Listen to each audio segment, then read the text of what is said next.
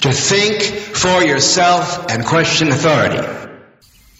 Tararam, radionafali.com, hiperprzestrzeń, ja na imię Tomek. Witam cię słuchaczko, witam cię słuchaczu. Witam ciebie mecenasko i ciebie mecenasie. Dzięki wielkie za wsparcie. O wsparciu radia to za chwilę wspomnę, bo to koniec miesiąca w sumie, ale to za chwilę. Tutaj takie szybko, prywatne ogłoszenie. Messie Mateuszu, człowieku, jeżeli mnie słyszysz, czy słyszysz mnie z podcastu, czy na żywo, niezależnie od kartki dźwiękowej, człowieku, odzywaj się natychmiast do mnie na maila. Jasna sprawa. Także nie czekaj, nie zwlekaj, Mateuszu się odzywaj natychmiast. To tyle prywaty, moi drodzy, a ja tymczasem wracam, wracam do takich oficjalnych początków, jak zwykle w radiu na fali, jak zwykle w hiperprzestrzeni musi być opieczętowana oficjalna rozbiegówka. Tak, zwykle, bo dawno mnie tu nie było. Proszę ja ciebie, dawno. Sprzęt mi siadł, była duża awaria, się troszeczkę działo, miałem tu jednego gościa, drugiego gościa.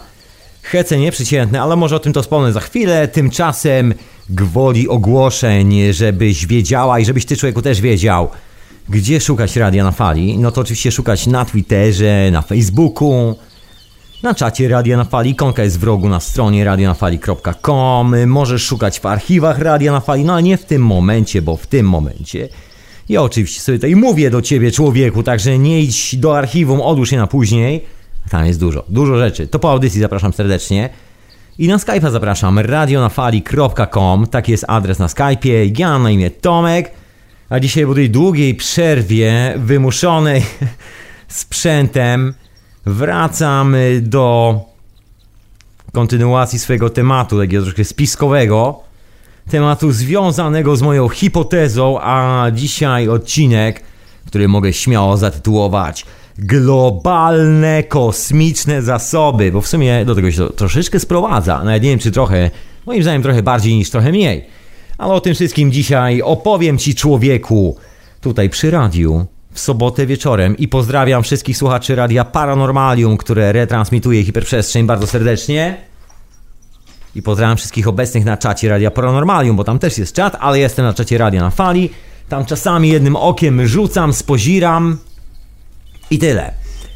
A muzyczkę na dzisiaj mam wszystko, jestem chyba przygotowany, tak mi się wydaje, po tej awarii sprzętu. Słuchajcie, wysiadł, wysiadł komputer, wysiadł mój komputer, na którym było wszystko cała archiwa Radia na Fali. One oczywiście są zbackupowane i zawsze były zbackupowane jeszcze na innych dyskach, także spokojna głowa człowieku, nie panikuj.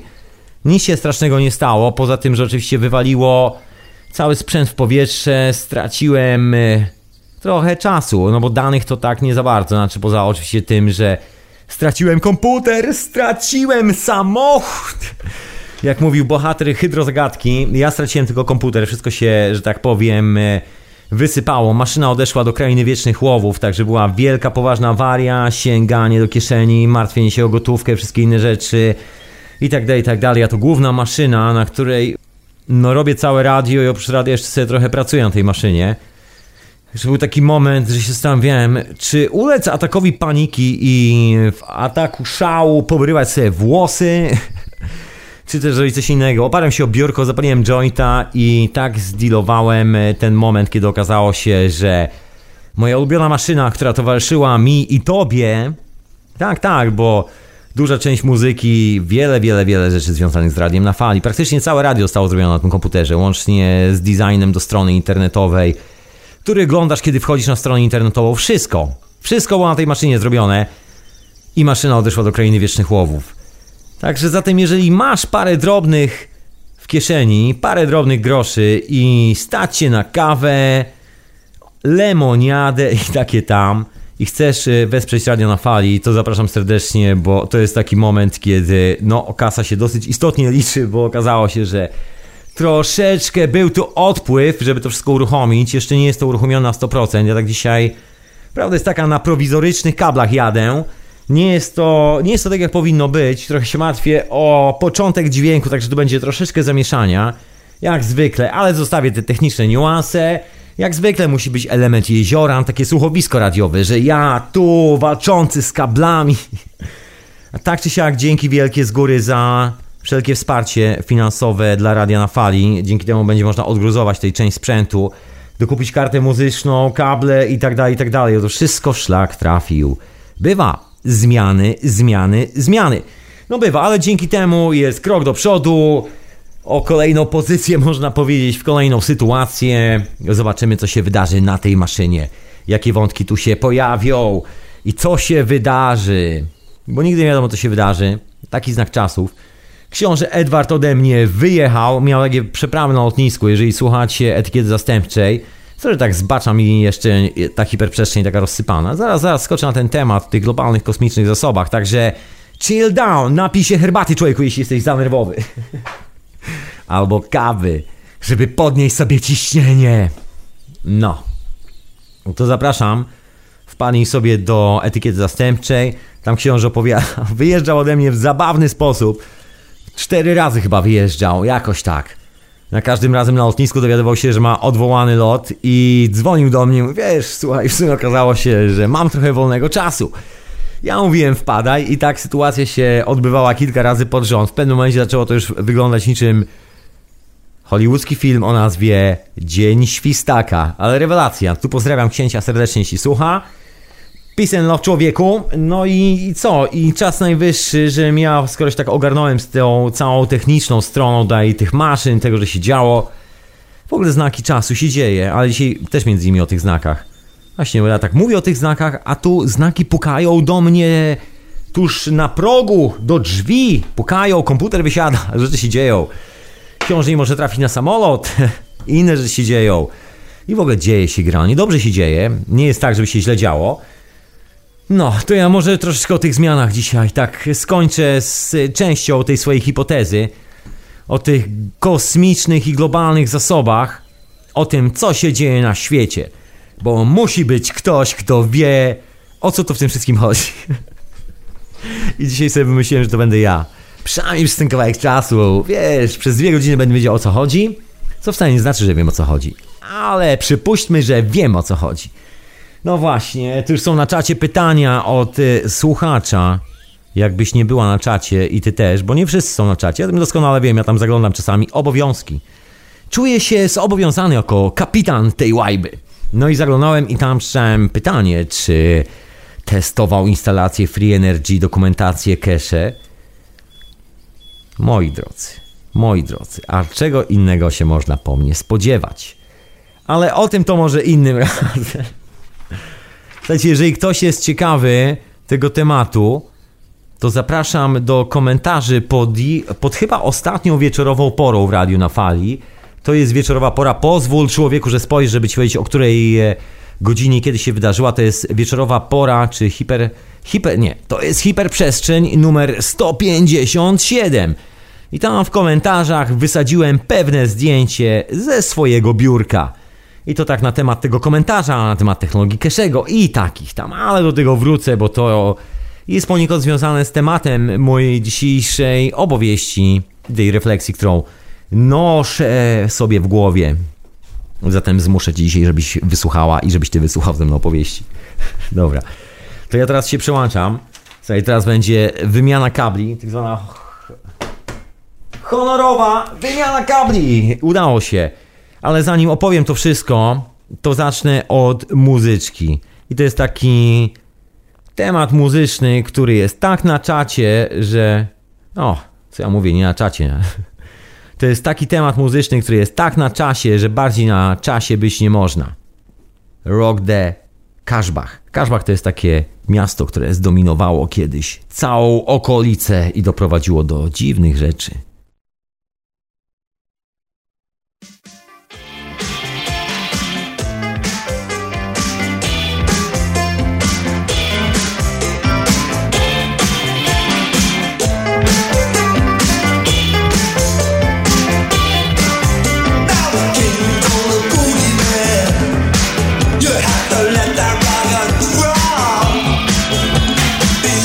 down the desert wind, I've been shaken to the top.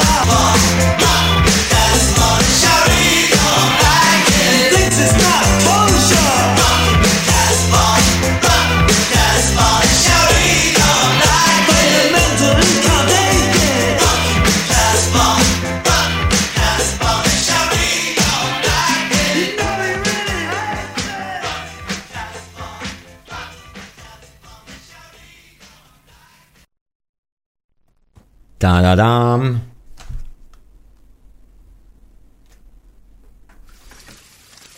No. Po przepinaniu kabli z powrotem, z lasem, z portem hiperprzestrzeni. Ja na imię Tomek. Oprócz tego, że w radiu na fali jest też jeszcze retransmitowany w radiu Paranormalium. Piosenka, która poleciała przed chwilą, to kultowy numer zespołu The Clash z Londynu. I na sprawę, że ja też tutaj nadaję do Ciebie człowieku prosto z Londynu. I tak się jakoś złożyło, że dokładnie to samo miasto, ale tu nie o to chodzi. Chodzi o tekst tej piosenki. Nie będę może cytował całego tekstu i tłumaczył na język polski. Numer się nazywa Rock the Kaszbach. Kaszbach to jest takie miasto, legendarne miasto, które istniało dawno, dawno temu. Jeżeli nie jesteś na czacie Radio na Fali, to tam sobie wpali na czata, wkleiłem linka z Wikipedii, cóż to było za miasto. Takie na Bliskim Wschodzie, taka twierdza, która górowała nad okolicą. I kolesie, którzy tam się bujali, wymuszali swoje zasady na wszystkich ludziach dookoła. Taka historia legiej patologii z cyklu kilku bandziorów, wataszków kontroluje cały świat. I dokładnie, cokolwiek by nie mówić, taka sytuacja dzieje się tu i teraz. No dzieją się różne rzeczy. Ja wspominałem, wspominałem, mówiłem, przypominałem, opowiadałem o tym, że oczywiście wszystko to jest związane z kosmosem, ze Słońcem, z cyklami gwiazd i planet. Mówiłem takie rzeczy, mówiłem. No jeżeli spojrzymy na aktywność Słońca i zauważymy, kiedy dzieją się te wszystkie dziwne rzeczy, tak zwane zamachy terrorystyczne. Nie wiem dlaczego nazywa się to zamachami terrorystycznymi. Być może dlatego, że ciężko jest powiedzieć, że jest to akcja operacyjna firmy, która nazywa się CIA, po to, żeby zarobić jeszcze więcej pieniędzy na ropie, jeszcze więcej pieniędzy na dominacji, kontroli, panowaniu nad światem. A to wszystko zrobić w takim momencie, żeby przeszło dokładnie razem z aktywnością Słońca. Przynajmniej tak to wygląda trochę w moich oczach, bo wszystkie te rzeczy zawsze dzieją się wtedy, kiedy Słońce ma tak zwany pik, czyli ta wartość magnetyczna, energetyczna, która się tam wyzwala, jest stosunkowo duża. Burza magnetyczna tak zwana na Słońcu, która dociera na Ziemi. To jest nasza percepcja prędkości, czyli tak zwana prędkość światła, jak to nazywamy w nauce. Nie jest to żadna graniczna prędkość ani nic z tych rzeczy, ale tu nie będę się rozwijał na tym, czym prędkość światła jest, czym światło jest, a czym nie jest, bo, bo nie chce mi się tu i teraz na ten temat mówić. W każdym razie chodzi tylko i wyłącznie o skorelowanie pewnych działań z cyklami. Jak już wspominałem dawno, dawno temu. Przepraszam, więcej nie będę. Więc jak już mówiłem kiedyś, mówiłem, że więcej nie będę. Więc jak mówiłem dawno temu, to może powtórzę jeszcze raz. Chodzi o to, żeby rewolucje, każde przewroty, każdy wał, który się robi, przypychać razem z aktywnością słoneczną, ponieważ wtedy nasz mózg dostaje niezłego kopyta.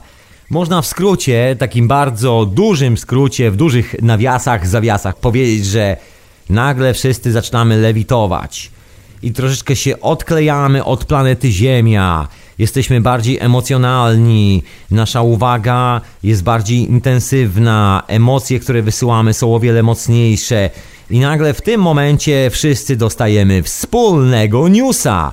News nie jest dobry, news nie jest fantastyczny, bynajmniej news brzmi tragicznie. I wszyscy w tym momencie zaczynamy się bać, wszyscy w tym momencie biegniemy gdzie? Biegniemy do władzy, biegniemy do tych wataszków z owego miasta, którzy rozliczają się między sobą dolarem transferowym za transakcje związane z obrotem, ropą naftową, metalami szlachetnymi, półszlachetnymi, transportem globalnym, komunikacją, telekomunikacją, polityką i przede wszystkim, bo to wszystko ma jedną wspólną nazwę, nazywa się zasoby.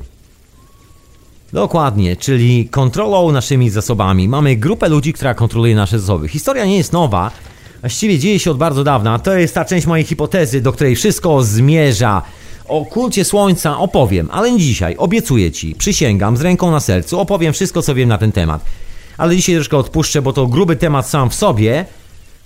I myślę, że dobrze będzie wykończyć ten kawałek hipotezy, a później dopiero skoczyć w takie konkrety na temat słońca i kosmosu. Tymczasem, tymczasem chodzi o to, że żyjemy według mnie, nie wiem jakie, jaka jest twoja opinia, w czymś takim, co jest bandą właśnie owych wataszków, która próbuje doprowadzić do maksymalnej polaryzacji, ponieważ oni z tego żyją. I kiedy wbijam łopatę w ziemi, kiedy cofałem się do tych zabytkowych czasów, o których ja tu tak często mówię, do tej kultury globalnej, która spozira spośród tych piramid, wykopalisk archeologicznych, wszędzie te same paterny na kamieniach, wszędzie tak samo twarde kamienie, jakiś granit, bazalt, standardowo od 7 do 9 w skali Mossa, jeżeli chodzi o twardość kamienia, czyli właściwie do dzisiaj byśmy sobie nie za bardzo poradzili z wytłoczeniem wzorków w takich kamykach, przynajmniej wybiciem ich za pomocą jakiegoś dłuta. No, widzimy ślady potężnej kultury, która zostawiła po sobie gigantyczną ilość informacji. Cała ta informacja wygląda bardzo podobnie, wygląda prawie tak samo.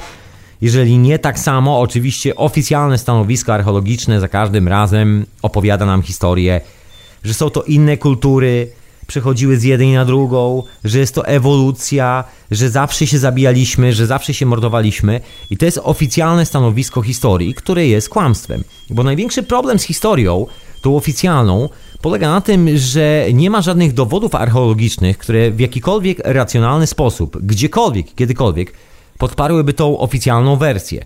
Nie mówię o oficjalnej wersji w postaci wydarzeń, bo wiele z tych wydarzeń zostało popartych wykopaliskami archeologicznymi, ale mówię o interpretacji tych wydarzeń, czyli co w rzeczywistości działo się w danym miejscu. Historia sięga tak daleko, jak tylko można sięgnąć wstecz.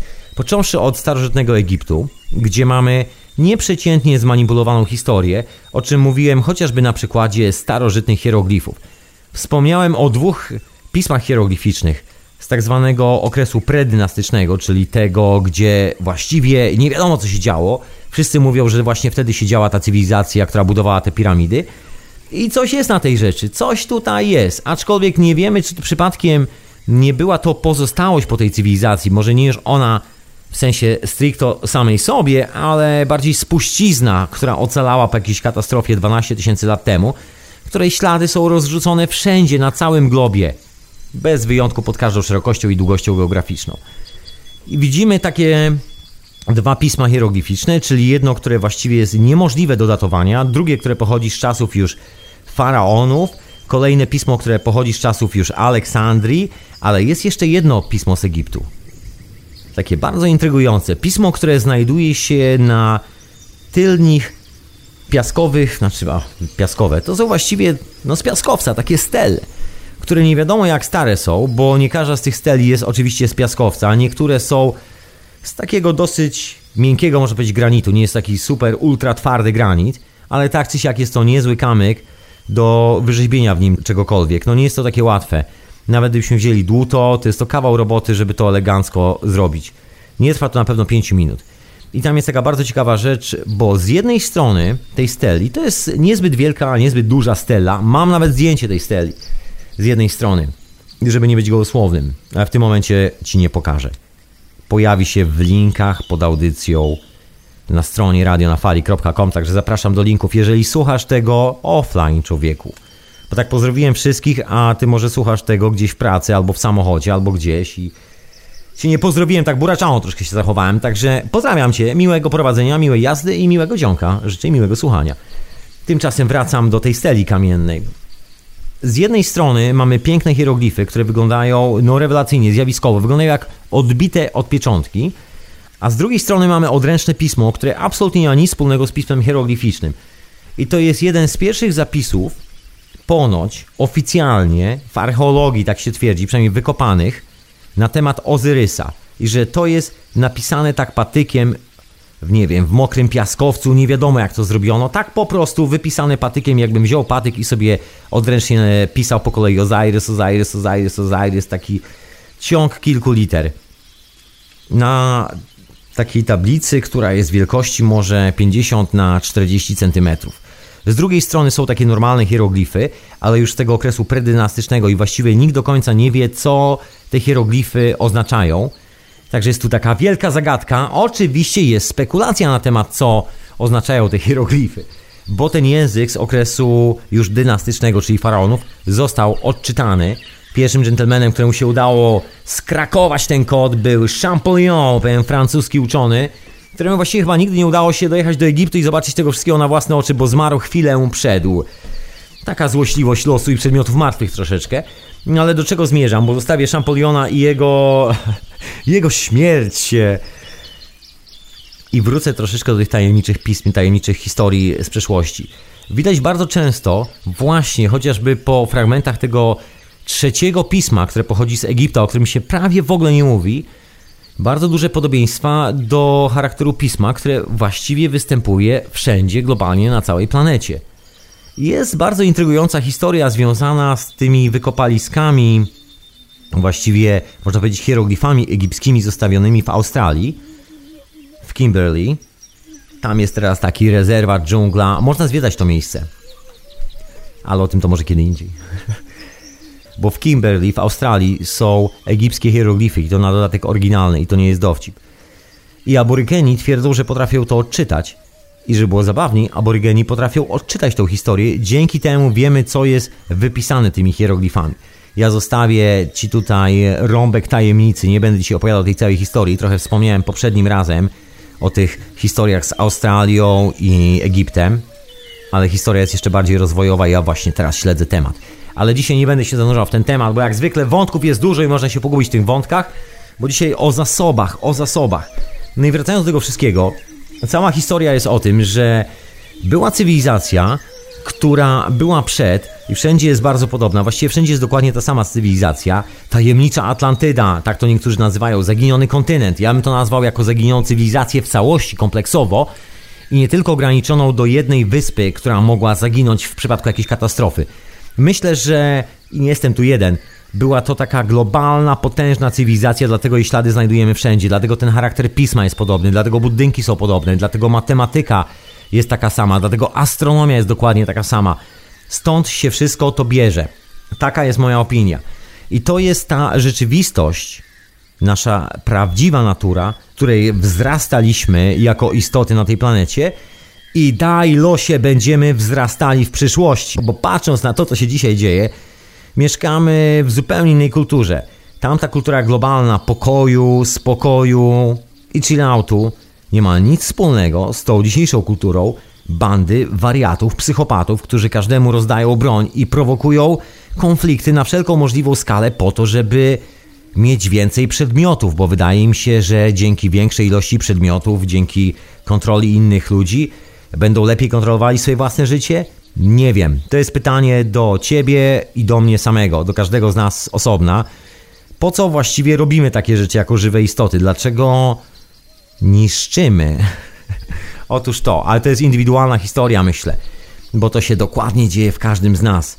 No ale wracając do tej ogólnej historii, ogólnego wątku globalnej katastrofy, globalnych kosmicznych zasobów, chodzi mi o to, że wydaje mi się, że owa wataszka powstała dokładnie dlatego, że chciała kontrolować pewne zasoby, zasoby, które były dane każdemu. Bo jeżeli się przyglądamy tej starożytnej cywilizacji, ty i ja, wsparci na swoich ramionach, przyglądamy się śmiało na te posągi, to co widzimy? No to widzimy potężną technologię, która nie da się absolutnie w żaden możliwy, sensowny sposób wytłumaczyć tym, co oficjalnie się nam sprzedaje jako prawa naukowe, jako prawa działania czegokolwiek, kosmosu albo czegokolwiek. Nie da się. Absolutnie się nie da. To się w ogóle wymyka z czegokolwiek, jakiejkolwiek, że tak powiem, metodologii poznawczej, żeby to odtworzyć. Bo zasada jest prosta. Każdy cwania, który mówi, e, ale ja znam technologię, wiem jak to zrobić, musi udowodnić to, czyli wykonać dokładnie podobny przedmiot w tej samej technologii i udowodnić, że da się i że mamy taką samą technologię.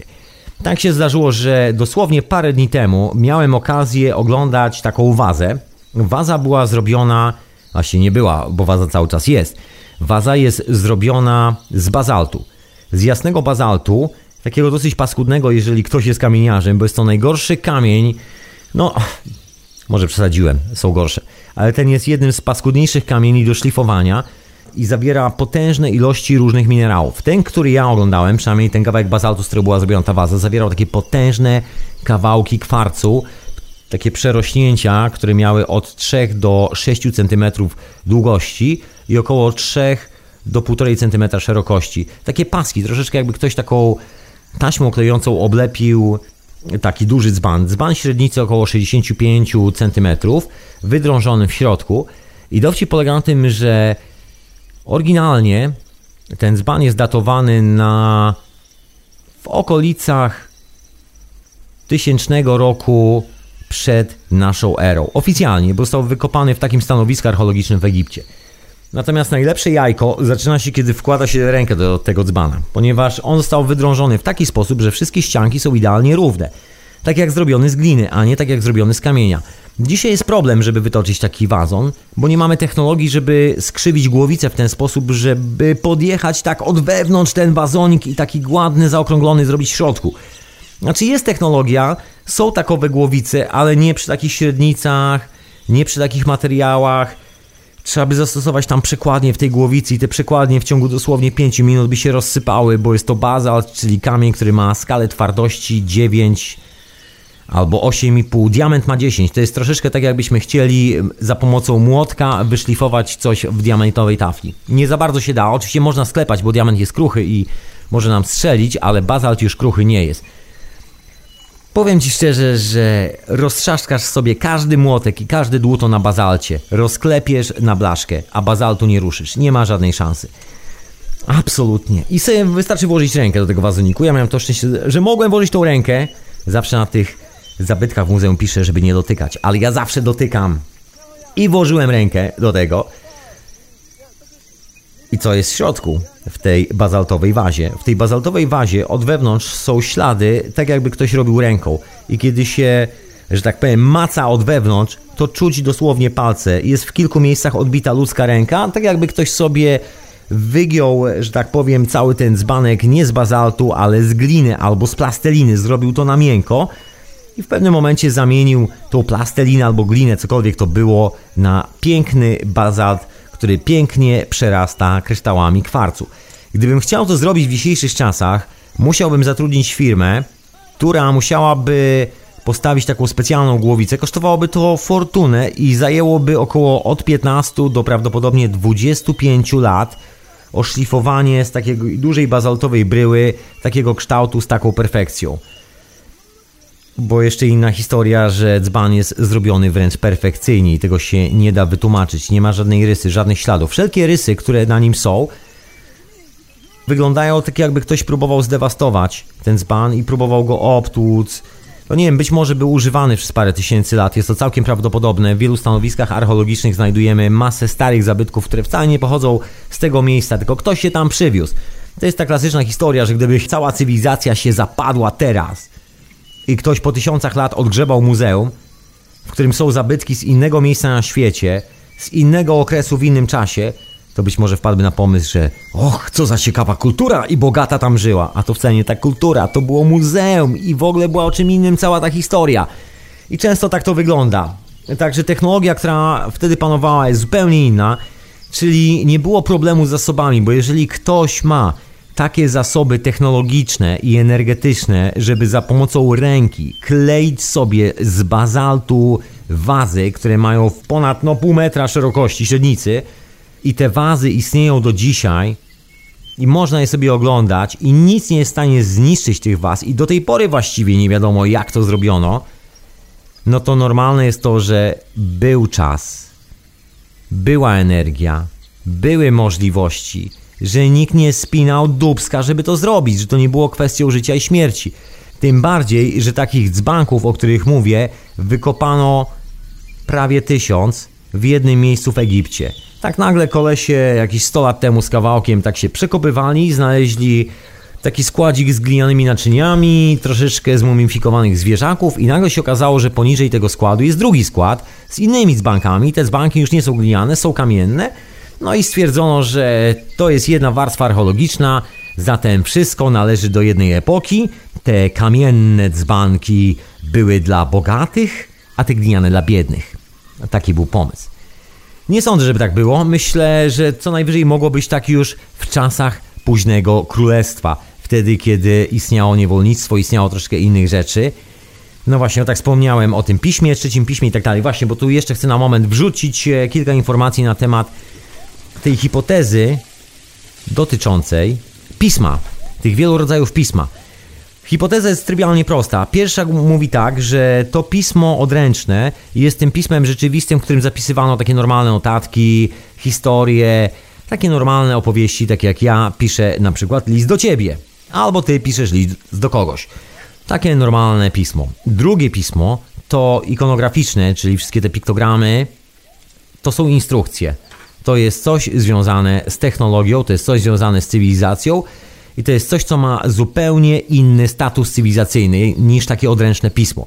Zresztą widać to doskonale na przykładzie historii, chociaż nie wiadomo, bo jest też jedna intrygująca zagadka związana ze wszystkimi tymi wykopaliskami z e, Egiptu. No nie tylko z Egiptu, bo podobna historia dzieje się i w Azji, i w Ameryce Południowej, i w wielu miejscach, że kluczowe elementy kilku postaci, kilku figurek są sklepane, są skute. Posągi są zniszczone w dosyć specyficzny sposób. Nie jest to niszczenie posągów przez przypadek, takie napałe, że e, z nabiegu, rozbiegu z wielkim młotkiem i przywalił tam, gdzie poleciał ten młotek przez zupełny przypadek. Takich sytuacji nie ma. Widać bardzo wyraźnie ślady skuwania informacji. Przynajmniej taka jest moja opinia. A jak jest, mm, to się dowiemy, ale tymczasem jakaś muzyczka, bo tak się rozgadałem w tych wszystkich hipotezach. I taki mało konkretny się zrobiłem troszeczkę, ale zanim przejdę do konkretów, to odrobina muzyczki już troszkę lepszej jakości. A co? radionafali.com hiperprzestrzeń.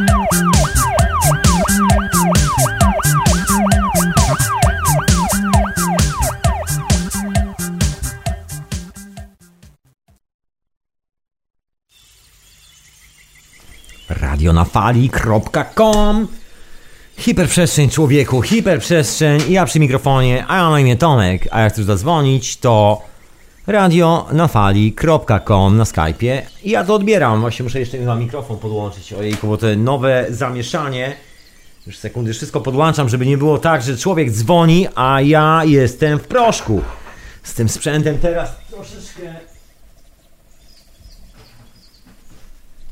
zamieszania. Mogę robić słuchowisko radiowe o człowieku, który miotał się pomiędzy kablami. Ale wracając do mojego tematu, tematu mojej hipotezy, co się dzieje, co się dzieje, bo ja dzisiaj przez dwie godziny twierdzę, że wiem, co się dzieje. Czy jakoś tak, mówię jak jest. No to mówię, nie? Wrócę na chwilę jeszcze do tego zaginionego pisma trochę, bo tu jest intrygująca historia, że część tych instrukcji, które są poskuwane, przynajmniej te, o których ja mówię, że są poskuwane, no jest oczywiście moja hipoteza. To wcale nie znaczy, że tak musiało być. To jest moje podejście do tego i to jest mój sposób widzenia tego wszystkiego, ale wygląda na to, że poskuwane zostały bardzo kluczowe elementy sekwencji, można powiedzieć. Jeżeli mamy jakiś zapis, który jest, przypuśćmy, bo taka jest moja koncepcja, metaforyczny, czyli widzimy serię znaczków i zaczynamy kojarzyć o co chodzi, że coś jest pełne, coś jest puste, coś jest wibracją, coś jest taką energią, coś jest siaką energią, coś jest cewką, coś nie jest cewką, coś jest rozładowaniem, coś jest naładowaniem. Widzimy takie podstawowe archetypy przepływu energii w kosmosie, o których wszyscy wiemy doskonale, że istnieją od tysięcy lat. Nie jest to żadną tajemnicą, alchemicy o tym wiedzieli. Dzisiaj dzięki temu istnieje coś takiego, co no, stało się szalatanerią, ale nosi znamiona nauki czasami, czyli współczesnej akademickiej nauki. To się dokładnie stąd wzięło. To są te metaforyczne opisy działania energii.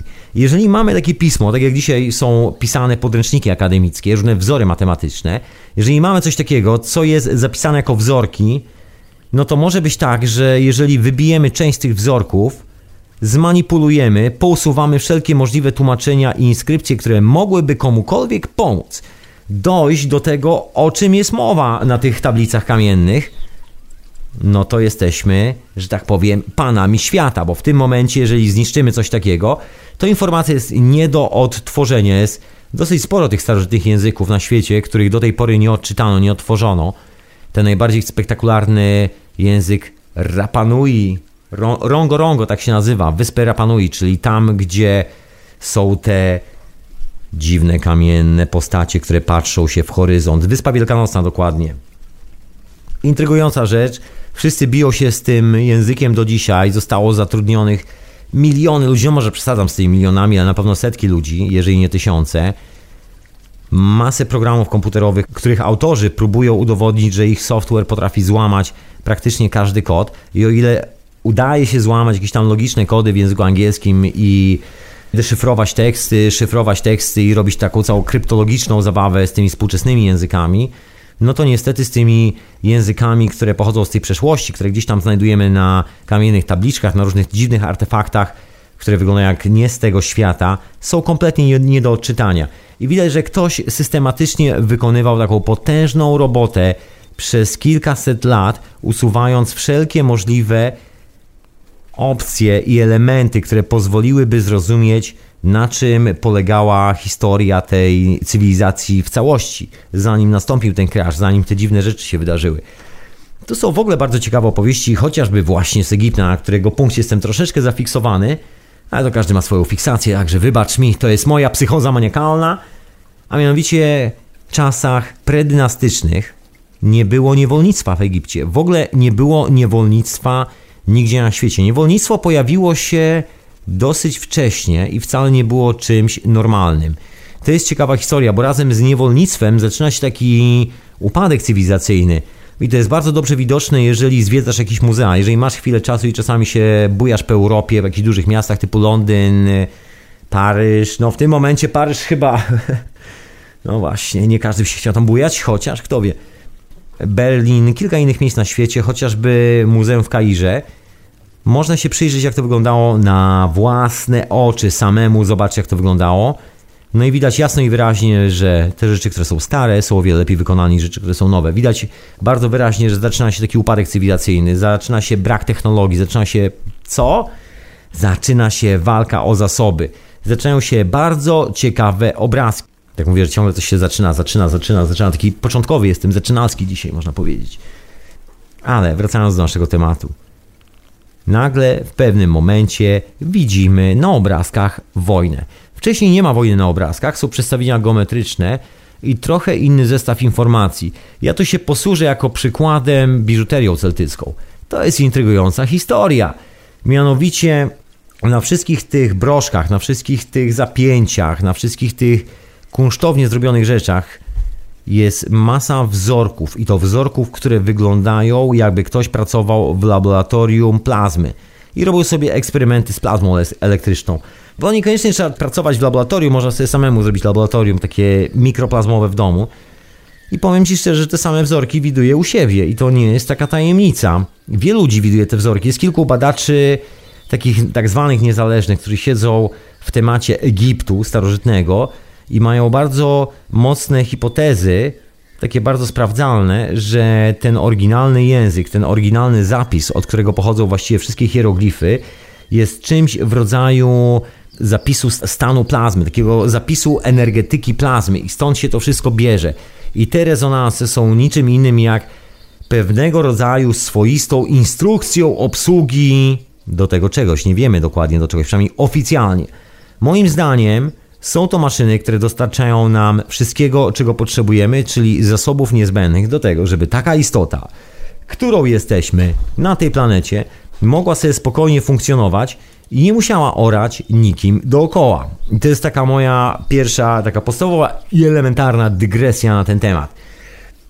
Jest taki wątek, który się pojawia w Egipcie, jaka świątynia, która jest nazywana świątynią człowieka, czyli Cofając się, cofając się trochę do tyłu, trafiamy na zapis, który mówi jasno i wyraźnie, że centrum, w cudzysłowie centrum świata dla nas powinniśmy być my sami.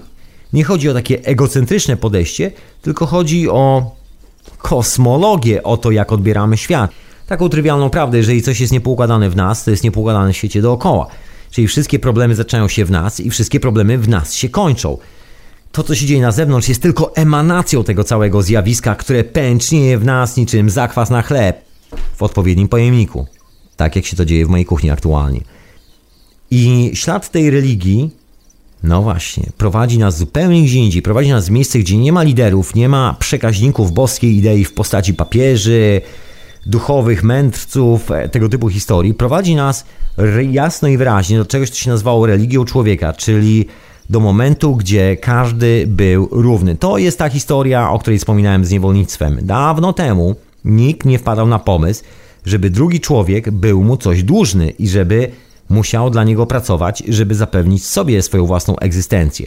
Aż jest to taki troszkę irracjonalny pomysł, tym bardziej jeżeli są zasoby. No ale co się dzieje, kiedy kończą się zasoby, kiedy kończy się możliwość pozyskiwania energii? Albo komuś odjeżdża, albo coś się stało, albo być może tych maszyn do pozyskiwania energii zostało trochę mniej, ponieważ uszkodziły się, albo ktoś zapomniał informacji o tym, jak odpalić te maszyny. No może być tak, że maszyn jest więcej niż nam się wydaje, tych maszyn do robienia tej niesamowitej energii. Jedna z tych maszyn to prawdopodobnie właśnie mitologiczny zapis Arki Przymierza. Myślę, że to właśnie jedna z tych maszyn, która pochodzi z Egiptu. Taka jest moja koncepcja. Myślę, że masoneria ma coś z tym wspólnego. Myślę, że ci ludzie też szukają informacji o tych tajemniczych, energetycznych zjawiskach, które popularnie przeszły do, że tak powiem, kultury masowej jako religię.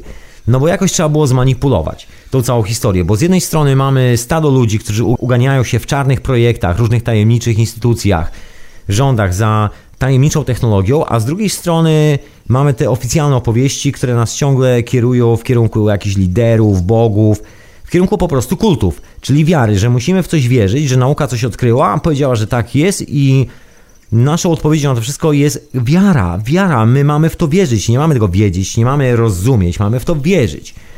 Także wygląda dokładnie jak prawie tysiące lat temu. W pewnym momencie religia zastąpiła informację, wzięła te całe metaforyczne znaczenia, obudowała w jakieś inne rzeczy, zamieniła, podmieniła, pokombinowała. To jest trochę jak z rodzynkami w cieście. Skąd pochodzą rodzynki w cieście? Nie wie nikt. No ale wiadomo, że rodzynki są i wiadomo, że gdzieś rosną. I wiadomo, że jest to prawda. Ale czy rodzynki wyrosły w tym cieście? No to raczej nie jest możliwe, ale jeżeli ktoś o tym nie wie, no to być może zdarzy się taka sytuacja, że ktoś inny siłą perswazji go przekona, że rodzynki rosną w cieście. I być może, przynajmniej moim zdaniem bardziej niż być może, dokładnie taka sama sytuacja się wydarzyła ze wszystkimi religiami. To był ten moment, kiedy ludziom powiedziano, żeby zapomnieli o tej technologii, żeby jej nie obsługiwali, że ona jest niebezpieczna, należy do Boga, należy do bogów, jednego, drugiego, trzeciego, czwartego, wymaga specjalnej obsługi, jest zarezerwowana tylko dla elity i tylko ona może z niej korzystać i tylko w ten sposób może być dystrybuowana. Bo to jest ciekawa historia związana z tymi potężnymi wojnami, które gdzieś tam dawno, dawno temu, tysiąc lat temu się działy. W pewnym momencie, i wskazują na to wszystkie wykopaliska archeologiczne, mamy do czynienia z potężnymi centrami zamieszkanymi przez gigantyczne ilości ludzi, którzy żyli w sposób ekstremalnie pokojowy. Nie znajdujemy tam ani murów obronnych, nie znajdujemy tam żadnej biżuterii, która miałaby jakieś elementy walki, w sensie jakieś atrybuty brutalności, można powiedzieć, miecze i tak dalej. Nie znajdujemy żadnej broni, nie znajdujemy żadnych zapisków, które mogłyby świadczyć o jakichkolwiek wojnach i podbojach. Nic z tych rzeczy. Przede wszystkim to, co chyba najbardziej zaskakuje archeologów, to właśnie brak owych murów obronnych, ponieważ był taki moment w historii, do którego w ogóle coś takiego nie istniało. I był taki moment, że nagle pojawiają się armie, pojawiają się mury obronne, pojawiają się jakieś państwa, miasta, które starają się zdominować całą okolicę. I fenomenem jest, jak to się mogło wydarzyć, ponieważ nikt przy zdrowych zmysłach nie oddałby, że tak powiem, swoich zasobów i swojej wolności jakiemuś wataszce, jakiemuś wariatowi, po to, żeby tamten go zakuł w dyby i zrobił z niego niewolnika. Musiał być jakiś inny powód i myślę, że powodem była technologia i ta technologia do pewnego stopnia jeszcze parę tysięcy lat temu całkiem nieźle działała i była wykorzystywana przez bardzo elitarną grupę ludzi, którzy strzegli tej technologii, pilnowali, żeby nikt nie położył na niej łapy. Wykorzystywali ją być może tylko dla swoich własnych potrzeb i być może był taki moment, w którym włączali te urządzenia po to, żeby wszyscy odczuli, że nie muszą już jeść, że są zdrowi, że wszystko jest ok. Nagle pojawiało się takie pole plazmowe, które napełniało wszystko właściwą energią i wszystko było ok. No i panowie wtedy wychodzili i mówili: To jest nasza robota, to jest nasz Bóg, musisz przed nim ukleknąć i pamiętaj, od tego momentu jesteś jego sługą. A jeżeli ktoś padł na pomysł, że zrozumiał, że to nie jest kwestia boska, że to jest technologia, powiedział: Ej, ej, chłopaki, zaraz, zaraz, zaraz, to jest urządzenie i to nie jest tak, że wy macie wyłączać na to urządzenie, bo to urządzenie zostało zostawione przez naszych przodków dla nas wszystkich, żebyśmy wszyscy z tego mieli pożytek, a nie tylko wy, garstko cwaniaków. No ale garstka cwaniaków chyba wiedziała, jak obsługiwać urządzenie i chyba włączała i wyłączała to urządzenie. Ja nie wiem, czy kiedyś nie wspominałem, mam takie zawsze podejrzenie, że to się właśnie stąd wzięło, z włączania i wyłączania, bo jest to bardzo specyficzna technologia, przynajmniej tak to wygląda. Ja próbuję ją troszeczkę rozkminić, mam swoje różne przypuszczenia na ten temat, ale o tym to za chwilę. Bo to jest właśnie historia z globalnymi zasobami dzisiaj w hiperprzestrzeni, w radiu na fali, gdzieś pomiędzy Egiptem a nie wiadomo czym, a kosmosem. Zatem posłuchajmy sobie muzyczki. A ty możesz zadzwonić, poza tym, że sobie radośnie słuchasz tej hiperprzestrzeni. Możesz zasponsorować radio na fali, dzięki temu może jakieś maszyny tu wrócą do mnie, się ogarnę troszkę lepiej z tym całym sprzętem po tej awarii. Z góry dzięki i namaste za wszelkie wsparcie. A tymczasem troszeczkę muzyczki.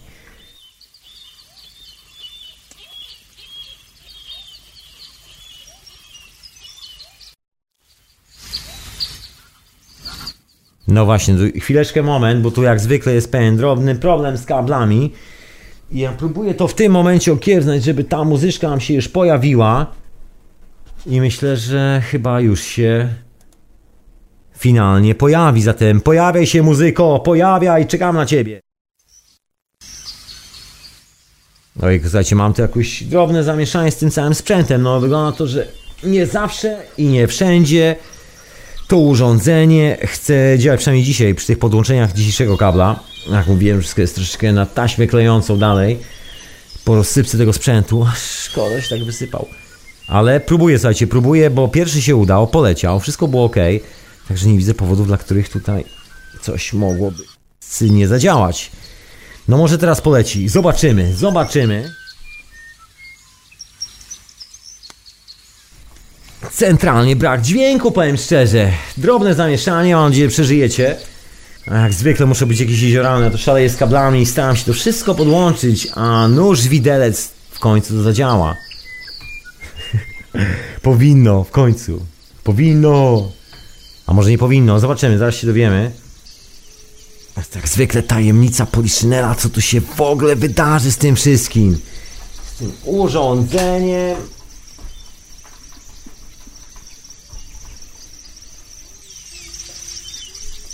No właśnie, ja tu siedzę z tymi gałkami, człowieku i... I no nie wiem, no nie mogę tutaj nic wymyślić prawie, że... Nic tu nie zadziałać jak należy. Co za historia. No to się wydarzyło, moi drodzy. To się zadziało. To nie wiem, co powiedzieć. I tyle muzyki było, tyle tego wszystkiego, a ja tu nagle się okazało, wylądowałem tylko i wyłącznie z szumem lasu. Zatem nie pozostaje mi nic innego, jak skorzystać z zapasowego urządzenia i puścić Wam jakiś zapasowy dźwięk, kompletnie spontanicznie, zupełnie innego urządzenia. No bo tylko to mi zostaje. Tylko to. Co za historia. A tu była taka playlista. Ja tu szaleję cały czas, żeby coś z tym zrobić. Zabawne. Ale tymczasem, tymczasem po prostu posłuchajmy sobie jakieś e, muzyczki, proszę Państwa.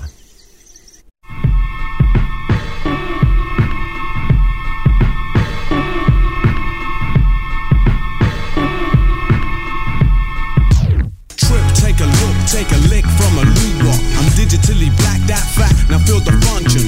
Rise to the rhyme line. You and I waiting to jump, jump. And now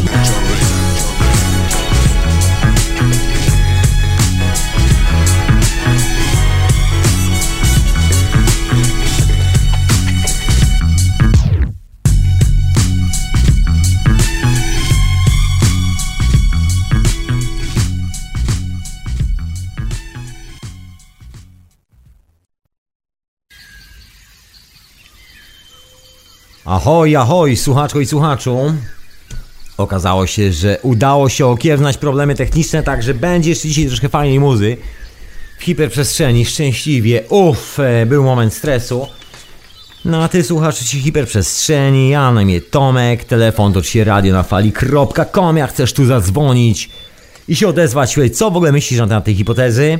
Zapraszam serdecznie, oprócz tego jestem na czacie radia na fali i tam, y, i tam też zaglądam jednym okiem, a tymczasem pośród tego radosnego świergotu ptaków wracam do tej hipotezy. Bo nie tylko w Egipcie nie było niewolnictwa, ale o czym wspominałem, bo lubię mówić o tych historiach, lubię opowiadać te historie, o tych tajemniczych wykopaliskach i może jeżeli słuchasz hiperprzestrzeni wcale nie od wczoraj, wcale nie od dziś, to kojarzysz historię Stera Preta, tym niesamowitym terenem dookoła rzeki zwanej Amazonką, usypanym sztucznie przez nie wiadomo kogo. Ślady po tej cywilizacji są dosyć, że tak powiem, brutalne dla współczesnej archeologii, bo nie ma tam ani grama wojen, ani grama broni, ani grama murów obronnych. I to jest dosyć poważny problem.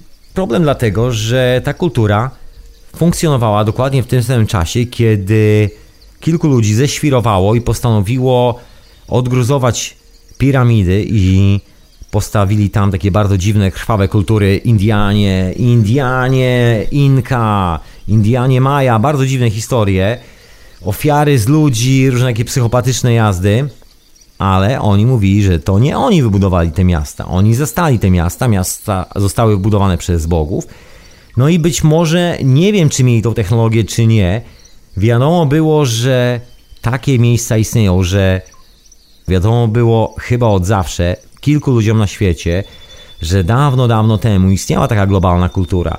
I wielu ludzi, którzy zawodowo zajmowali się tworzeniem organizacji o nazwie Watykan, doskonale sobie z tego zdawało sprawę.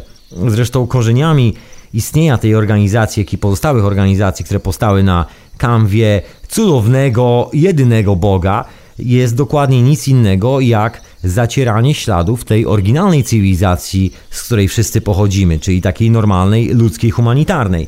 No jest ten ślad religii człowieka, który jasno i wyraźnie mówi, że to nie jest kwestia bicia kolanem przed jakąś ścianą, modlenia się na klęczkach, przed krzyżykami itd., tak itd., tak że jest to sprawa związana dla mnie z technologią, ale troszeczkę inaczej pojmowaną, bo jest to technologia w takim pełnym humanitarnym wymiarze, czyli to w jaki sposób funkcjonujemy na tej planecie, w jaki sposób pobieramy zasoby, które są niezbędne do utrzymania tego ciała, w którym tu podróżujemy, w tym wymiarze, w tej przestrzeni przez te parę lat.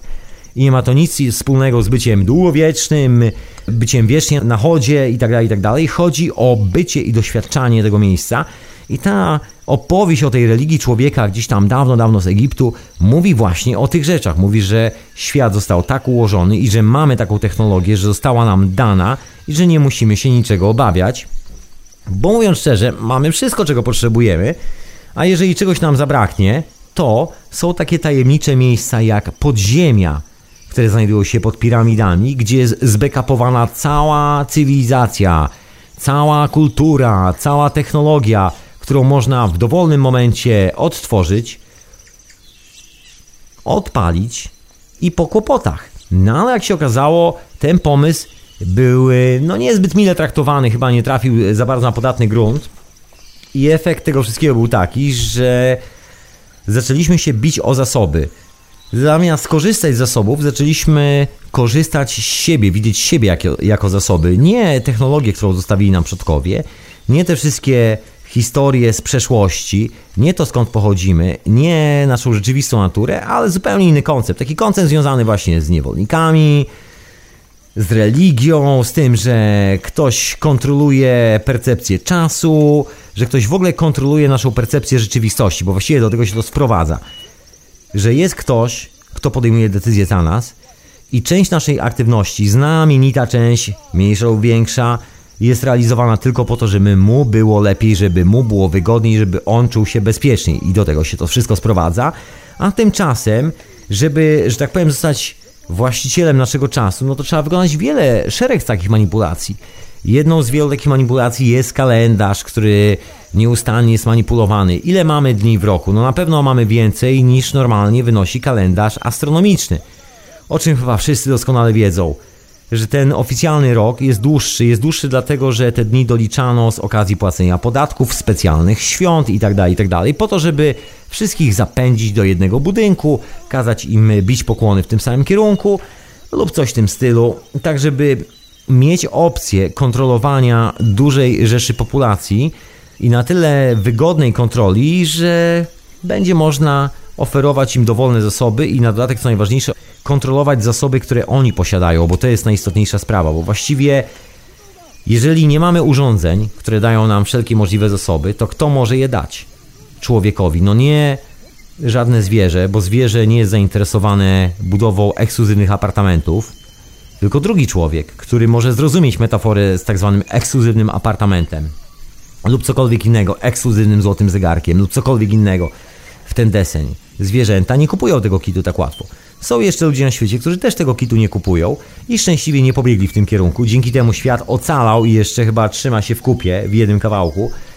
No bo to jest ta różnica, to jest ta opowieść o cywilizacji, którą próbują nam opowiedzieć dzisiaj, że wszyscy mamy biec za materią, że materia jest jedną rzeczą, że pochodzimy od wojen, naszą naturą są czasy konfliktu i to jest coś, co determinuje nasze całe życie i wszystkie nasze zachowania dookoła. A historia jest zupełnie inna i to jest ten nieustanny problem oficjalnej historii z każdymi wykopaliskami archeologicznymi. Bo to nie jest tylko ta potężna, pokojowa kultura, której ślady są odnajdowane, tak jak mówiłem, chociażby Egipcie, chociażby w Azji, chociażby w wielu, wielu innych miejscach. W Ameryce Południowej jest to samo i to nie tylko w jednym miejscu, i to nie tylko dookoła Amazonki, bo jest takie miejsce w Peru, tuż niedaleko stolicy Peru, na północ, zdaje się, tak wzdłuż wybrzeża się jedzie. Właściwie ciągnie się i na południe, i na północ, i w górę, i w dół tego miasta. Znajduje się tam potężny sajt archeologiczny, o którym też kiedyś wspominałem. Sajt archeologiczny gigantycznego miasta, metropolii, i to takiej potężnej metropolii. Gdyby to porównać do współczesnych miast, no to tak Londyn razy 5, Londyn razy 6, coś koło tego. Tak wzdłuż wybrzeża, potężne potężne miasto, można powiedzieć, potężne osady ciągnące się po horyzont przez kilometry. Miliony ludzi tam mieszkało. No i znowu ten sam problem. Żadnych murów obrodnych, żadnej broni, żadnych śladów jakiejkolwiek sztuki, która opiewałaby zwycięstwa w bojach. Nic z tych rzeczy, żadnej takiej patologii.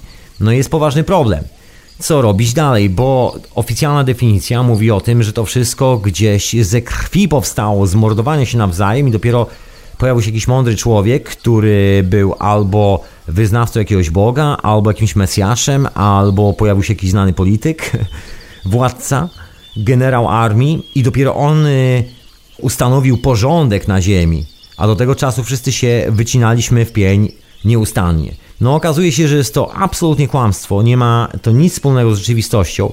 Tam jeszcze są inne opowieści pod tytułem jak wyglądały w rzeczywistości te sposoby zasiedlania ziemi, jak to się odbywało po kolei. Czy zaczynało się od tego, że ludzie coś zbierali, a dopiero później na zasadzie ewolucji zaczęli coś uprawiać, później budowali miasta i tak dalej, i tak dalej, to się rozrastało, czy też wręcz odwrotnie. Bo wykopaliska archeologiczne mówią o czymś zupełnie innym, pokazują, co tu dużo mówić, taki desant potężnej cywilizacji, która nagle nie wiadomo skąd się pojawiła, wybudowała gigantyczną ilość kamiennych struktur, zostawiła po sobie niesamowite rzeczy i zniknęła.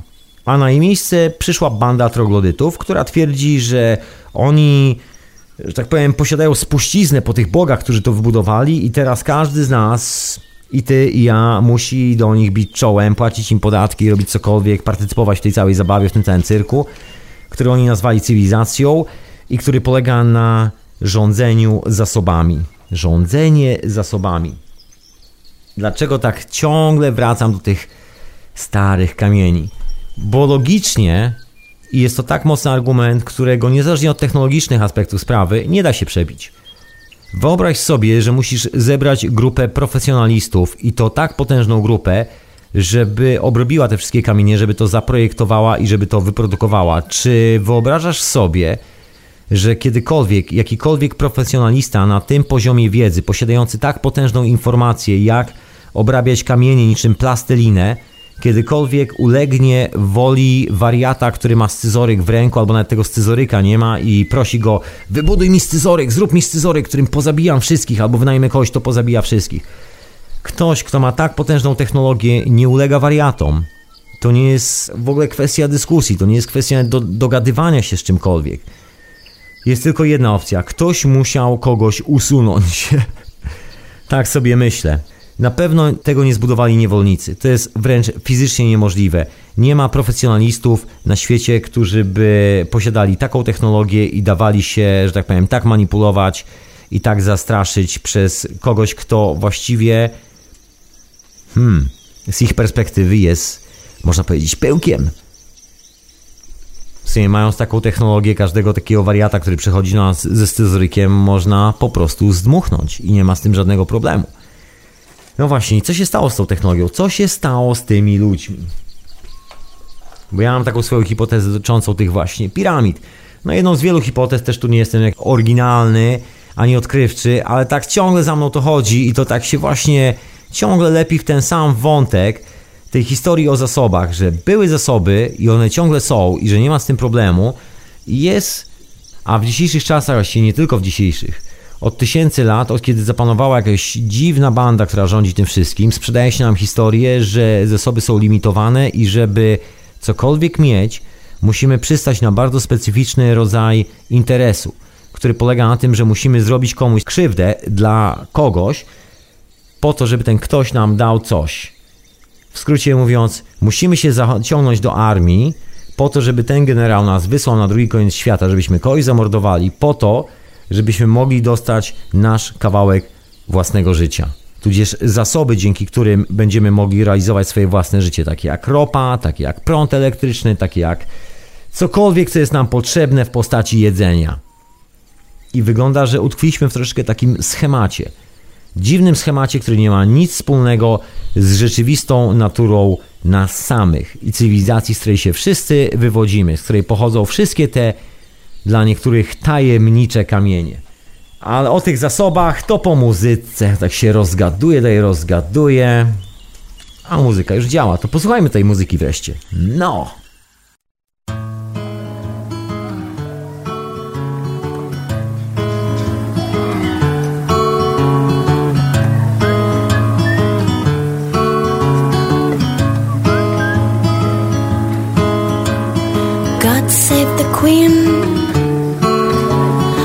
Fascist regime. It's made you a moron, a potential age future.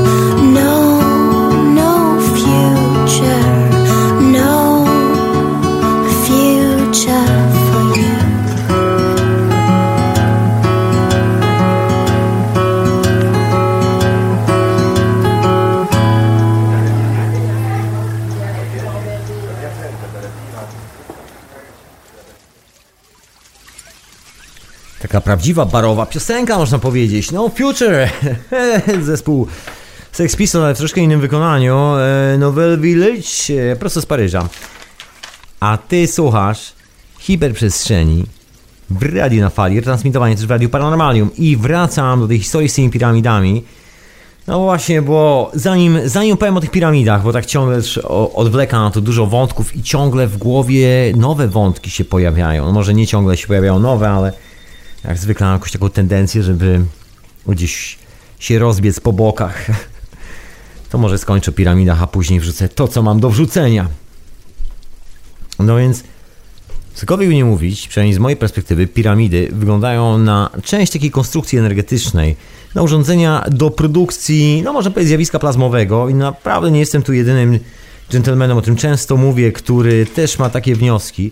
Zdarzyło mi się robić eksperymenty, o których jakiś czas temu wspominałem, nie będę jeszcze raz tego powtarzał, które dosyć mocno potwierdziły tą hipotezę, że no nie jest to taki byle jaki kształt i że doskonale się nadaje na generator plazmowy, doskonale się nadaje do przesyłu energii wireless, doskonale się nadaje do wielu, wielu, wielu rzeczy. Jest to doskonałą konstrukcją, jeżeli właśnie chodzi o propagowanie tych zjawisk, o których pisał m.in. Nikola Tesla i wielu, wielu innych. Sprawdziłem, widziałem, lampki się świeciły, wszystko działało ciężko mi uwierzyć, że jest inaczej.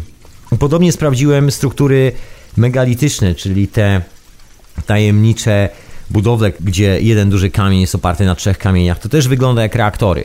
Specjalna taka podstawka pod reaktory.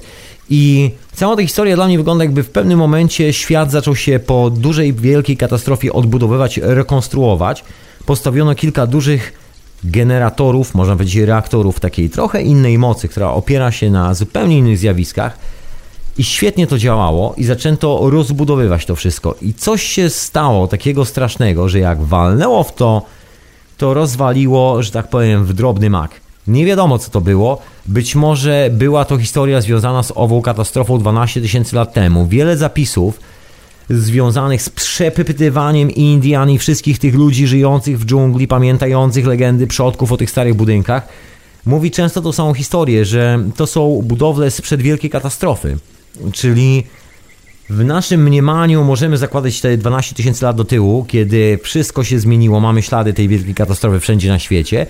I później mamy moment stawiania właśnie melchirów, tych dziwnych kamiennych, megalitycznych konstrukcji, które są troszeczkę młodsze. Właściwie nie wiadomo, która jest młodsza, która starsza, bo to też jest w dużej mierze nasza spekulacja, ale kilka z nich jest teoretycznie młodszych, przynajmniej tak wyglądają i wyglądają jakby były stawiane w panice. Znaczy może nie do końca w panice. Były stawiane tak, żeby no, zrobić to bardzo szybko. Nie było zbyt wiele czasu, coś się działo.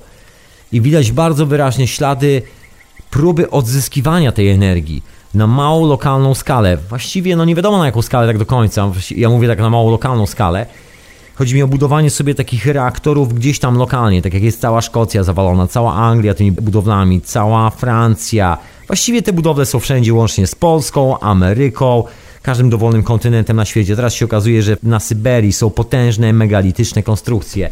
Potężne, które biją na głowę nawet te z Bliskiego Wschodu, te obeliski zwane Baalbek, z miejscowości to się nazywa Baalbek. I nikt nie wie, jak to zostało zrobione, nikt nie wie, kto to zrobił, kto tam dotarł, jak to jest możliwe. No ale ślad wiedzie nas 12 tysięcy lat temu, później zakłada i później jest, przynajmniej tak to wygląda, taka ponowna rekonstrukcja tej cywilizacji, ale już no nie do końca udana. Być może udało się w kilku miejscach, być może udało się częściowo ocalić część tego wszystkiego w Egipcie, może gdzieś w Azji i przez jakiś czas to wszystko funkcjonowało. Skąd przypuszczenia, że udało się coś ocalić? Dlatego, że ślady po tym zostały w tych zapiskach, które nawet są robione owymi charakterami pisma, które już potrafimy rozczytać. Jest duża ilość zagadkowych, metaforycznych opisów urządzeń. Można oczywiście się spierać, czy to naprawdę chodzi o urządzenia, czy też chodzi o bóstwa i tego typu historie, ale ja bym obstawał bardziej przy urządzeniach, tym bardziej, że mamy wykopaliska archeologiczne i no jest ciekawa rzecz. Biżuteria, która jest robiona, cała biżuteria jest robiona praktycznie za pomocą tej samej techniki, czyli ktoś musiał wyprodukować tonę drutu, bardzo podobnej średnicy i nagle cały świat starożytny, cywilizacje, które ponoć się nie znały, oszalały i zaczęły dokładnie z tego samego druta wszystkie robić sobie kolczyki, wisiorki i pierścionki. Jakieś takie nietypowe troszeczkę, że co, wszyscy się umówili na ten sam rozmiar druta i na tą samą technikę pracy z tym drutem. Intrygujące. Kolejny ślad, który znaleziono w Irlandii, odkopano swego czasu, jak głosi fama, czyli twierdzenia archeologów, jedną skoronowanych głów w Irlandii, jakąś taką królewnę. No nie wiadomo właściwie kogoś wysokiego stanu. Tylko tyle możemy powiedzieć, bo to, czy to był król, czy nie, to już są naprawdę mocne spekulacje. Według nas, ponieważ dookoła w grobie było bardzo dużo artefaktów, była to osoba o wysokim statusie społecznym, tak się oficjalnie mówi, i był tam pewien drobny naszyjnik. Naszyjnik zrobiony z niebieskiego malachitu. I nie byłoby problemu, gdyby nie to, że grób ma jakieś 2000 lat przed naszą erą, czy prawie 3000 lat, jest stary w każdym razie. Datowanie kości pozwoliło sprawdzić, jak stare mniej więcej. Tak 3000 lat do tyłu plus 2000 teraz, jakieś 5000 lat od dzisiaj do tyłu. No i przy zwłokach był naszyjnik z malachitu, ale ten malachit nie pochodził nigdzie z Irlandii. Ten malachit pochodził z Egiptu. I to z bardzo specyficznej kopalni owego malachitu w Egipcie. Podobny znajdowano przy faraonach w Egipcie. Jest legenda, która mówi o tym, że praktycznie, można powiedzieć, ród koronowany, tudzież tak zwana władza w cudzysłowie, pojawiła się w Irlandii, tudzież na tych wyspach, dokładnie z Egiptu. Jest masa opowieści na ten temat. Zresztą Co by tu nie ściemniać, bo wcale nie trzeba nic wymyślać, wystarczy prześledzić historię, która ciągnęła się dalej łącznie z Rzymianami. Tutaj rodzili, w sensie w Anglii, w Londynie, rodzili się cesarze Rzymu w rzymskiej kolonii. To były normalne rzymskie kolonie, jak nigdy nic, jak gdyby nigdy nic, je, tak zwyczajnie. Także kontakty pomiędzy tymi wyspami były cały czas nieustannie. I moja koncepcja brzmi tak, że były nawet większe kontakty. Zresztą udowodniła to pani, która przebadała mumię faraona, w której odkryto kokainę oraz tytoń, że kontakty były o wiele większe, ponieważ kokainę i tytoń rośnie tylko w Ameryce Południowej, tylko stamtąd można ją przywieźć. Czyli te kontakty musiały być spore. Wygląda na to, jak ktoś w pewnym momencie zaczyna limitować kontakty, limitować informacje, wmawiać nam, że świat jest mniejszy, że jest jakiś Bóg, że wszyscy mamy się kogoś słuchać, że nie ma niczego za darmo, że cała technologia musi być okupiona ofiarami ze krwi i to ludzkiej najlepiej. I żeby cokolwiek mieć, trzeba kogoś dorwać i odstrzelić mu głowę. I taki model historii nam sprzedano wszystkim. I teraz jest taka, no, dosyć intrygująca zabawa na polu archeologii, bo nie wiadomo, jak wyjaśnić całą historię świata, bo cokolwiek by nie mówić, wszystkie te opowieści nie mają nic wspólnego z rzeczywistym przebiegiem wydarzeń. Zresztą chyba, myślę, doskonałym przykładem dla każdego z nas, i ciebie, i mnie, jeżeli śledzisz temat archeologii, historii, jest chociażby historia Polski, zapomnianego kraju, że niby kraj nagle powstał nie wiadomo skąd, łącznie ze chrztem Polski. A monety, które tam są znajdowane, sięgają parę tysięcy lat do tyłu. Ale kraj powstał, kiedy był chrzest, a wcześniej nie było nic, tylko lasy i drzewa, które produkowały monety spontanicznie. Potężna ilość zakłamania, potężna ilość hipokryzji, a to tylko po to, żebyśmy nie wpadli na ten pomysł, że wcale nie musimy się strzelać, że mamy zupełnie inną opcję. Bo moim zdaniem cała ta historia służy tylko i wyłącznie do tego, żebyśmy nie byli świadomi swoich rzeczywistych zasobów. Ktoś nas ciągle okłamuje i mówi, że zasoby są zdecydowanie mniejsze niż są i że tego nie możemy, tamtego nie możemy, to jest zarezerwowane dla tamtego, to dla tamtego. Właściwie na dobrą sprawę w dzisiejszym świecie nawet nie ma żadnego limitu. Nie istnieją. Jedynym limitem jest ilość posiadanych pieniędzy. Do tego się to wszystko sprowadziło.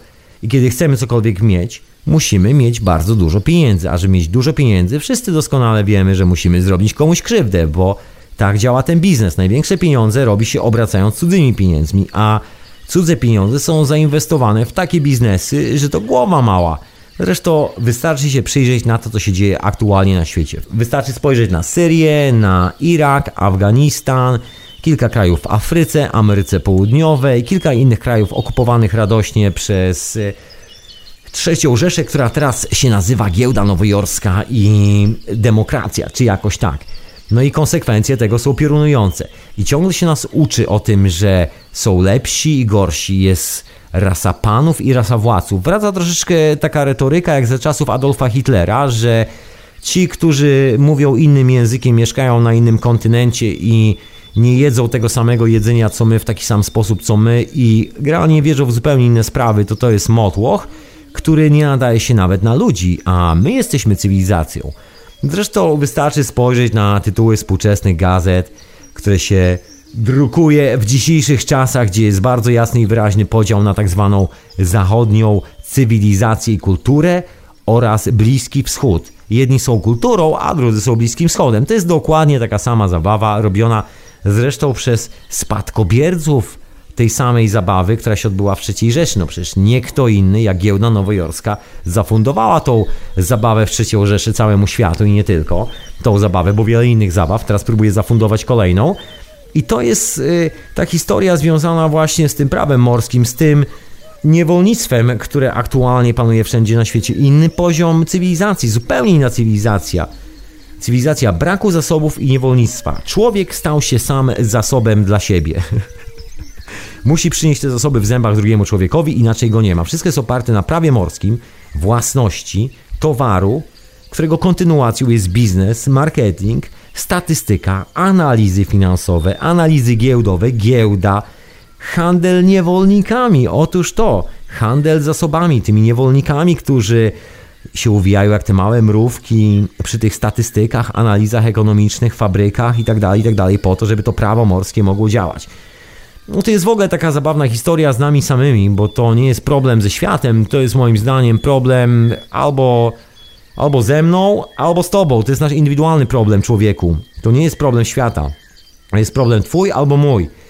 Albo płyniemy na łódce i spędzamy cały czas podając się tyranii jakiegoś kapitana, który jest tyranem i chce wszystkich zagłodzić na okręcie, zmusić do jakiejś morderczej, nadludzkiej pracy za wiosłami i ci, którzy siedzą za wiosłami, czyli my, zamiast obalić tego kapitana, zaczynamy sobie opowiadać bajki o potworach morskich, zaczynamy się pokrzepiać, że może kiedyś jakiś potwór morski, a ktoś widział potwora morskiego.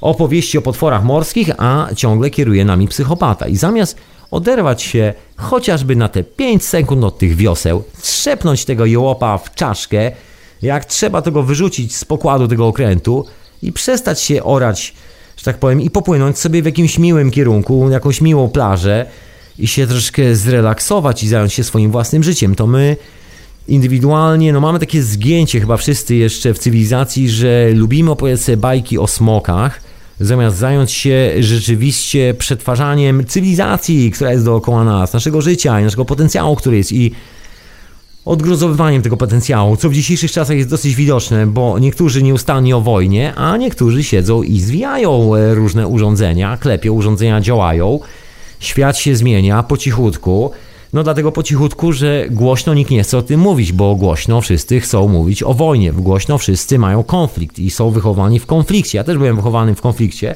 i trochę tego we mnie jest, jak i w tobie, w każdym z nas. I teraz pytanie, czy to będzie determinowało mój obraz rzeczywistości, czy też nie. No moim zdaniem nie. tak, taką mam opcję. Jakoś nie czuję się niewolnikiem tego systemu i nie mam zamiaru tutaj e, doglądać cudzego biznesu szczególnie patologicznego biznesu. Jakoś tak nie czuję się swobodnie z tym, że ktoś ma mentalność władcy nade mną. Inna sprawa, że tą mentalność władcy mamy sami w sobie i sami produkujemy ten scenariusz dla świata. Tak długo jak nam się wydaje, że jesteśmy lepsi od kogoś, że ktoś jest taki, bo mieszka w innym miejscu, a my reprezentujemy jakąś cywilizację ponoć wyższą, no to w tym momencie już jest po nas. Już właściwie się okazało, że niewiele różnimy się od tych chłopaków, które tam zakładały brązowe mundury i razem y, z okrzykiem z ich Heil maszerowały tam, gdzie wódz im powiedział, żeby maszerować. Takich ludzi zawsze jest pełno na świecie. Dobrze, żebyś ty ani ja, żebyśmy się nie zamienili w takiego człowieka, bo to jest poważny dramat dla świata, jak widać tutaj dosyć mocno dookoła. Iluzja wyboru i iluzja ratowania świata, że jak założymy mundur i dokonamy tego wyboru, to uratujemy świat przed zagładą. Nie zdając sobie sprawy, że to my jesteśmy tą zagładą, która doprowadza wszystko do kompletnej ruiny. Ale wracając do y, źródłowych informacji, moi drodzy, pojawiających się odkryć, bo to są właśnie te sprawy związane z tym, że te odkrycia. Jest taki moment w historii, nagle się zaczęły pojawiać i to w skali masowej. Jest coraz więcej trzęsień ziemi, coraz więcej wykopalisk archeologicznych, coraz więcej się dzieje, coraz więcej ludzi odkrywa, jak działają w rzeczywistości urządzenia, jak działa moc, która odpowiada za nasze zasoby i nie można tego zatrzymać. I jest to związane też z aktywnością słoneczną, jest to w ogóle związane z aktywnością całej planety i podejrzewam, że dżentelmeni, jakich tutaj grzecznie nazywam, którzy siedzą i próbują pociągać za te sznurki, żeby ciągle te karabiny się sprzedawały za dobrą cenę wszędzie na świecie, no są chyba troszeczkę przerażeni, bo świat wymyka im się z rąk. No nie da się zatrzymać fali rozwoju, nie da się zatrzymać tej fali powracających wspomnień, tej fali, która zaczyna się od nostalgii, tej fali, która kończy się przypomnieniem sobie od początku do końca, kim się jest i kim się nie jest na tej planecie i co i jak powinno się robić i czego przede wszystkim nie powinno się nigdy robić. Ta fala wraca i myślę, że ci kolesie teraz trzęsą się mocno w portkach. Mocno. I robią wszystko, co tylko mogą, żeby przykryć tą falę, żeby wykorzystać każde uderzenie słoneczne, każdy pojawiający się impuls burzy słonecznej, to na przykład sprowokowanie jakiejś fali agresji, żeby w naszej głowie zamieszkał strach przed kimś, kto przyjdzie z pistoletem i pozbawi nas i naszych bliskich życia. Na pewno będzie to wyświetlane w gazetach, w telewizorach, wszędzie, żeby ten obraz stał się bardzo plastyczny, żebyśmy z tym zasypiali, żebyśmy budzili się z tym obrazem, żebyśmy z tym obrazem siedzieli na toalecie, żebyśmy z tym obrazem otwierali lodówkę, żebyśmy się bali, żebyśmy myśleli, że jedynym wyzwoleniem jest to, co nam proponuje banda owych cwaniaków. I do tego się to wszystko sprowadza. Jaki news i jaka informacja zdominuje mój umysł? O zagrożeniu czy o rozwiązaniu? To jest to elementarne pytanie, które każdy z nas powinien sobie zadać codziennie, że w dzisiejszych czasach, szczególnie jeżeli mieszka w dużym mieście, gdzie ma dużo reklam i dużo newsów na temat, co się aktualnie dzieje według kogoś i co według kogoś jest ważne w tym wszystkim. Jaki jest sens tego wszystkiego?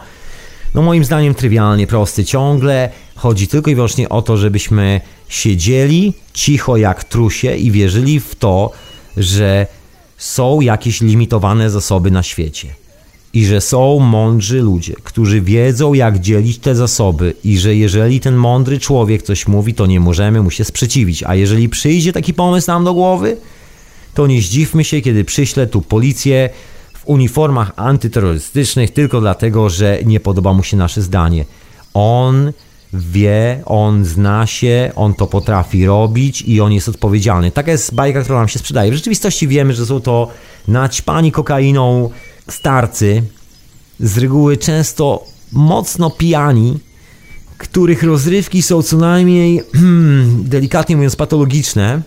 Czasami, jak wspominam, wyciekają te fakty na zewnątrz, historie z małymi dziećmi i tak dalej. Nawet nie chcę tu w to wnikać, bo szkoda naszego życia na martwienie się i życie w zagrożeniu.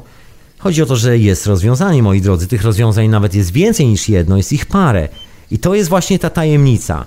To jest właśnie to, dlaczego chowa się te technologie. To jest dokładnie to, dlaczego skuwało się te wszystkie tajemnicze rzeźby. Ten jedyny powód, dla którego skuwało się całą informację z tych steli, to jest powód, dla którego się manipuluje historią do dzisiaj, na bieżąco. To jest jedyny powód, właśnie ta tajemnica, że jesteśmy spokojnie, bez żadnych problemów, w stanie zapewnić sobie spokojne funkcjonowanie jako całego gatunku na tej planecie, jeszcze podróżować po innych planetach, jak to bywało dawniej.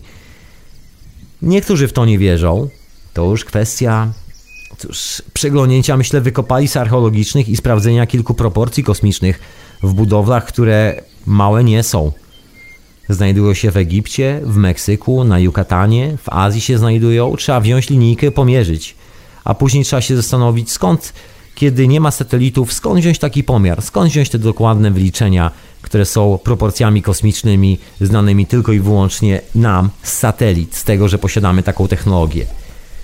No, można się wtedy zastanowić, skąd się brały te zasoby wtedy jak wyglądała ta gospodarka zasobami. Tymczasem jakaś miła i spokojna piosenka, bo tu deszcz się rozpadał, a w Londynie już jest chłodno, czuć zimę, liście zwiały już z drzew, kurczę, takie coś. A my posłuchajmy sobie muzyczki. Ty i ja razem tutaj, tarara, muzyczka gra.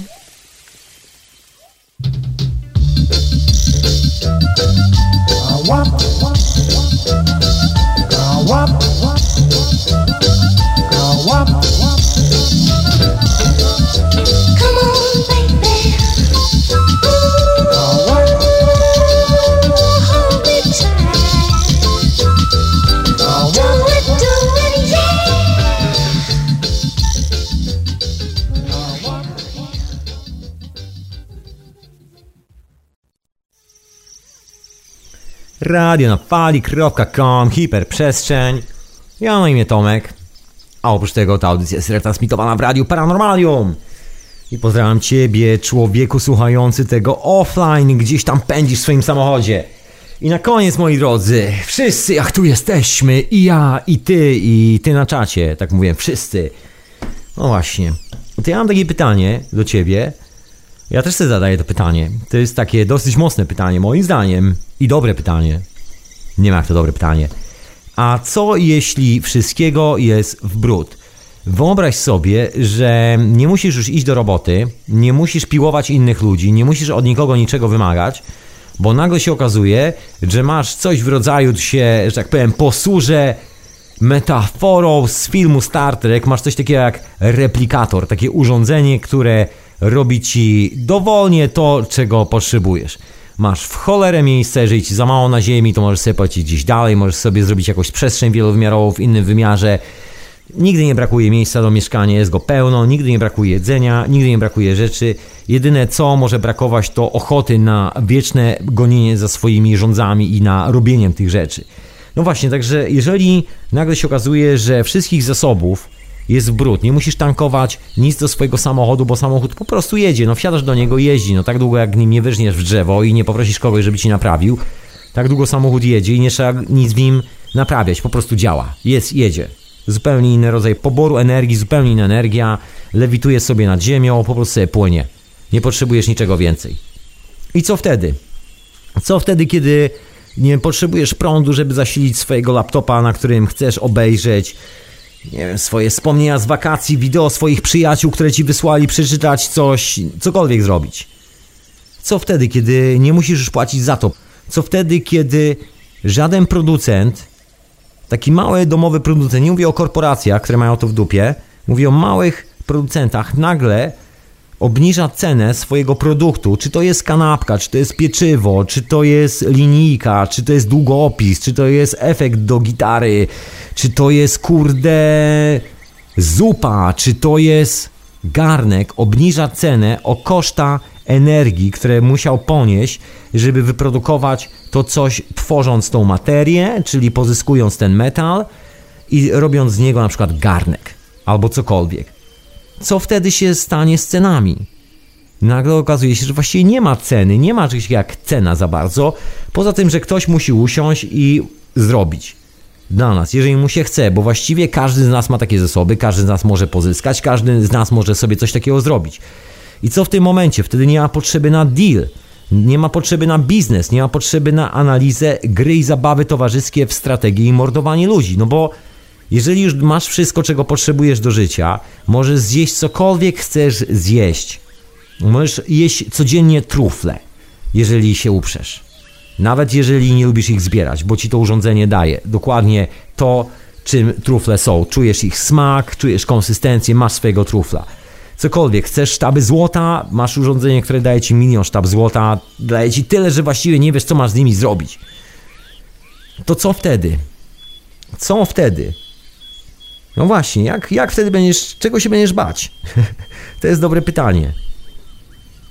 Kim się wtedy staniesz? Cwaniakiem, który próbuje rządzić innymi ludźmi? Zarządzać za pomocą giełdy, wiesz, tego typu historie, dociskać innych do ściany, czy też coś innego? Kiedy nagle się okaże, że wszystkiego jest w brud, to kim wtedy staną się te cwaniaki, które rządzą tym światem? Jaka będzie ich rola wtedy? To jest dobre pytanie, myślę. I to jest dobra odpowiedź, żeby się zastanowić, dlaczego kilku ludzi na świecie dalej uparcie brnie w tą zabawę. Tą zabawę, to też jest inna sprawa, brnie każdy z nas, ty i ja. Potrafimy w to brnąć. Oczywiście, nie musimy. Nie wiem, czy ty brniesz. No ja tak niespecjalnie chyba brnę w tą zabawę. Raczej ją omijam. Mam nadzieję, że też ją omijasz, ale są tacy, którzy brną w tą zabawę i też swego czasu ja brnąłem w tą zabawę i pewnie ty też. I to się też stąd wzięło, że uwierzyliśmy, że zrobimy jakiś deal, wykonamy jakąś transakcję, wykonamy jakiś strategiczny ruch zaplanowany, który przyniesie nam, co nam przyniesie?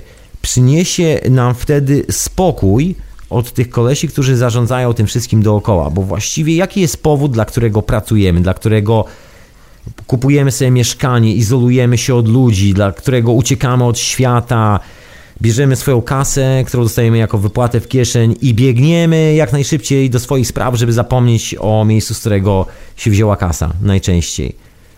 Czego się boimy? Boimy się tego, że nasza egzystencja zostanie zagrożona i cała ta cywilizacja nie jest żadną cywilizacją dla mnie. To jest nic innego jak tylko nieustanne dealowanie strachu. Czasami coś się wydarzy, coś się pozytywnego wydarzy i pojawi się prąd elektryczny, pojawi się internet, pojawi się kilku ludzi, którzy się nie bali i zrobili to tak jak należy i dzięki temu się komunikujemy i nagle okazuje się, że relacje między nami nie są oparte na strachu, że cywilizacja, którą tworzymy, tak tu, ty, ja, tu teraz, dokładnie, nie opiera się na lękach, tylko opiera się na tym, że każdy ma jakąś refleksję, każdy ma odwagę, żeby ją to powiedzieć. Jeżeli się spojrzy na te stare zabytki, no to nie jest taki świat, jaki my znamy dzisiaj. to musi być zupełnie inny świat. I ja się czuję bardzo przyjaźnie, bardzo, że tak powiem, znajomo z tym światem, który jest właśnie w tych starych kamieniach. Nie wiem jak ty, zawsze mam taki instynkt, jak widzę te stare rysunki, że wiem o co chodzi, że to jest moje, że to jest część mnie, że to jest moja spuścizna, że to jestem ja. Tylko, że zapomniałem o co w tym wszystkim chodzi. No i na sprawę, sobie troszeczkę poprzypominałem z czasem i zagadnienia pod tytułem pozyskiwanie energii nie są już dla mnie aż taką tajemnicą. I wiem, że jest to możliwe i wiem, że to się dzieje. Dzieje się wiele rzeczy na świecie. Świat się naprawdę bardzo mocno zmienia w bardzo dobrym kierunku. Aczkolwiek trzeba pamiętać, że. No właśnie, żeby nie ulec temu szaleństwu, tak sobie myślę. Nie wiem, czy trzeba o tym pamiętać. Dobrze jest być świadomym, że rozwiązanie nie ma nic wspólnego z lękiem. I to jest zasadnicza sprawa, na której warto się oprzeć. O, i taki jest koncept. I to, co się nam sprzedaje w postaci cywilizacji, historii, zawsze będzie nas od tego odciągało. I to jest związane z negowaniem owej cywilizacji też, bo jest taka opinia, że można sobie wziąć coś z niej, wykorzystać, przetrawić po swojemu, że nie można się tak odcinać od wszystkiego, że to jest zbyt ryzykowne, niebezpieczne, bo dużo ludzi w to wierzy, bo takie są zasady, bo tak już jest. A ja się tak zastanawiam, no właśnie, kto powiedział, że tak już jest? Kto powiedział, że tak już było? Kto powiedział, że tak musi być? Kto powiedział, że to jest cokolwiek? To jest nic innego jak nasze mówienie, że coś musi tak być. Ale wcale nie musi. To jest kwestia tego, czy sobie powiemy, że musi, czy nie musi. Jeżeli powiemy sobie, że musi być zupełnie inaczej, to będzie zupełnie inaczej. I to tylko zależy i wyłącznie od nas. Teraz jest taka piękna historia związana z panem Kesze, który opublikował wyniki swoich badań. To jest człowiek, który zajmował się pracą naukową chyba praktycznie całe swoje życie. Pracował w CERNie, był taki fizyk nuklearny, jądrowy, który siedział przy reaktorach i generalnie uczył się na bieżąco takich rzeczy, obsługując te maszyny i siedząc właśnie przy tym wszystkim, o czym niewielu ludzi, niewielu ludzi wie, niewielu ludzi chce powiedzieć, bo oczywiście najlepiej zrobić z pana Keszego jakiegoś szaleńca, wariatę i psychopatę, nie zdając sobie zupełnie sprawy, że rozmowa jest o jednym z największych fizyków e, jądrowych aktualnie żyjących, który odrzucił właściwie nominację Nobla.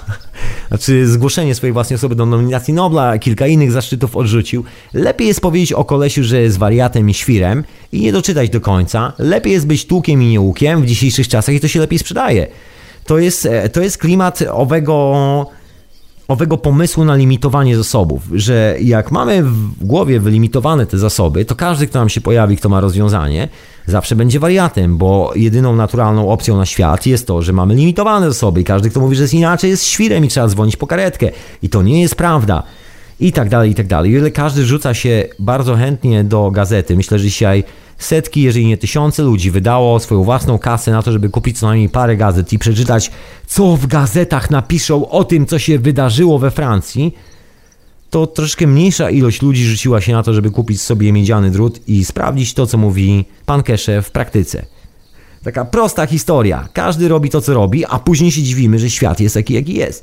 I to jest ten numer związany z tą cywilizacją, bo wierząc w tą cywilizację i żyjąc według tych zasad, no, czy chcemy, czy nie, jesteśmy w takiej bardzo prostej roli, roli niewolników dla bardzo wąskiej, jednoprocentowej grupy panów zasobów tego całego świata i oni nam wytyczają kierunki, w których idziemy, oni nam wytyczają model ko telefonu komórkowego, który będziemy mieli, oni wytyczają nam standardy telekomunikacji, jak będziemy ze sobą rozmawiali, czy Skype się zawiesi, czy nie. I oddajemy im to wszystko tak lekką ręką, oddajemy, oddajemy, oddajemy wszystko z siebie. A pomysł jest bardzo prosty zbudować sobie coś samemu, nic więcej. Zacząć robić swój własny świat. I to jest chyba ta historia związana z tymi starożytnymi wykopaliskami i starożytnymi budynkami, które nie do końca zostały zniszczone, że to jest inna cywilizacja, cywilizacja, w której nie brakuje zasobów. I to jest powrót do tej cywilizacji o czym nam się nie chce mówić, bo jeszcze jakiś cwaniak troszeczkę straci i się okaże, że no już nie jest tak wyjątkowy i ta jego fura nie robi na nikim wrażenia w sytuacji, kiedy każdy może mieć taki samochód, no to co? To już nie może zaspokoić swoich kompleksów i nagle cała ta misterna układanka się przewraca. No właśnie, to takie ciągle to samo pytanie. Co zrobisz, kiedy wszystkiego będziesz mieć w brud? Co wtedy zrobisz? Co wtedy zrobisz, kiedy najbardziej ekskluzywne rzeczy, które wydają ci się upa, dupa, nie wiadomo co i że warto za to zabić, nagle się okaże, że możesz mieć dowolną ilość tych rzeczy, nie musisz nikogo zabijać, Gorzej, każdy może mieć dowolną ilość tych rzeczy i też nie musi nikogo zabijać, przez co tracisz jakąkolwiek swoją wyjątkowość. Żaden przedmiot nie będzie mógł cię zdeterminować. Dzisiaj, jak wsiadasz do samochodu, na który wydasz 200 tysięcy funtów na ruchliwej ulicy, to wielu się obejrzy. I kiedy ruszysz tym samochodem, będzie e, e, e. wielu chłopaków, wielu znajomych mlaśnie powie, też bym taki chciał. Wiele dziewczyn powie, och, też bym taki chciała. No właśnie, gdzie jest nasza głowa? Gdzie jest umysł? Gdzie jest istota człowieka? Czy o to chodzi, żebyśmy chcieli właśnie taki po to, żeby zaimponować komuś? Jest taka kultura braku wiary w samego siebie. Kupujemy przedmioty po to, żeby zaimponować innym ludziom na zewnątrz. I taki ślad cywilizacji widać, kiedy się cofamy w starożytnym Egipcie, kiedy się cofamy w Ameryce Południowej. Widać, że do pewnego momentu cywilizacja wyglądała zupełnie inaczej i w pewnym momencie stało się coś takiego, że nagle komuś padło do głowy, że jak roztrzaska urządzenie, które przynosi wszystkim pożywienie, przynosi wszystkim energię i robi wszystkim zdrowie, to jak roztrzaska to urządzenie, to sobie z tego drutu nawinie kolczyki albo jakieś bransolety i będzie paradował z tymi bransoletami po wiosce, a że nie będzie miał żadnych skrupułów, to będzie chodził z nożem. Jak ktoś do niego podejdzie, to będzie go chciał potraktować nożem. Albo wynajmie kogoś, znajdzie kogoś, kto będzie też chciał nosić złoto i powie, dam ci tyle samo, co ja mam. Ale musisz zrobić komuś krzywdę. I tak powstało to całe, że tak powiem, stowarzyszenie ludzi uważających się za forpocztę cywilizacji. Nie wiem jakiej. Ciężko nazwać to cywilizacją w jakikolwiek sposób. Szczęśliwie nie da się zatrzymać wiedzy, nie da się zatrzymać odkryć archeologicznych, nie da się zatrzymać wynalazczości. Nie da się zatrzymać przede wszystkim działających urządzeń, które nie wymagają ani płacenia rachunków, ani brania kredytu, ani robienia innych głupich rzeczy, które doprowadzają nas do poziomu bycia niewolnikiem. Szczęśliwie świat się zmienił. I teraz jesteśmy w takim momencie, że tylko i wyłącznie do ciebie albo do mnie należy wybór, w jakim świecie się będziemy budzić. Ja to często mówię, ale teraz jest idealny moment, bo to widać wręcz jak na dłoni. Mr. Cache opublikował dokumentację urządzenia. Jest łatwe jak schemat CEPA do zrobienia. I co się dzieje na świecie dookoła? Na świecie nagle dzieje się dzieje się news, który mówi o tym, że jest wielki konflikt i ten news zaprasza nas wszystkich do konfliktu. Ten konflikt ma być czymś, czym żyjemy. Nie ma rozwiązania. Wszyscy ciągle szukają konfliktu. A co by było, gdyby ktoś nas zaprosił do rozwiązania? No więc słuchaj, ja siebie zapraszam do rozwiązania. Nie wiem jak ty. Jeżeli potrzebujesz jakiejś, nie wiem, otuchy, ekstra zaproszenia, to ciebie też zapraszam do rozwiązania. Kup sobie troszkę miedzianego druta, sprawdź sobie wszystkie te rzeczy. Wynalazków na świecie, jeżeli chodzi o odłączenie się chociażby czysto energetyczne od tej sieci infrastruktury, jest trochę. To nie jest tylko i wyłącznie jedno rozwiązanie. Jest tego naprawdę sporo już w dzisiejszych czasach i będzie tego coraz więcej. Już za parę chwil pojawią się kolejne urządzenia i nie tylko od pana Keszego. Także nie pozostaje nic innego, jak zastanowić się, i to tak już całkiem serio, nad tym, co się stanie, jeśli będziemy mieli wszystkiego w brud. Co wtedy zrobimy ze swoim własnym życiem? I czy może nie jest to właśnie ten moment, że chyba powinniśmy zacząć to robić dokładnie tu i teraz ze swoim własnym życiem, bo właściwie to się zaczęło. Ten świat już istnieje. A jak się potoczy dalej, to już zależy tylko i wyłącznie ode mnie, od ciebie i od każdego z nas osobna, tak sobie myślę.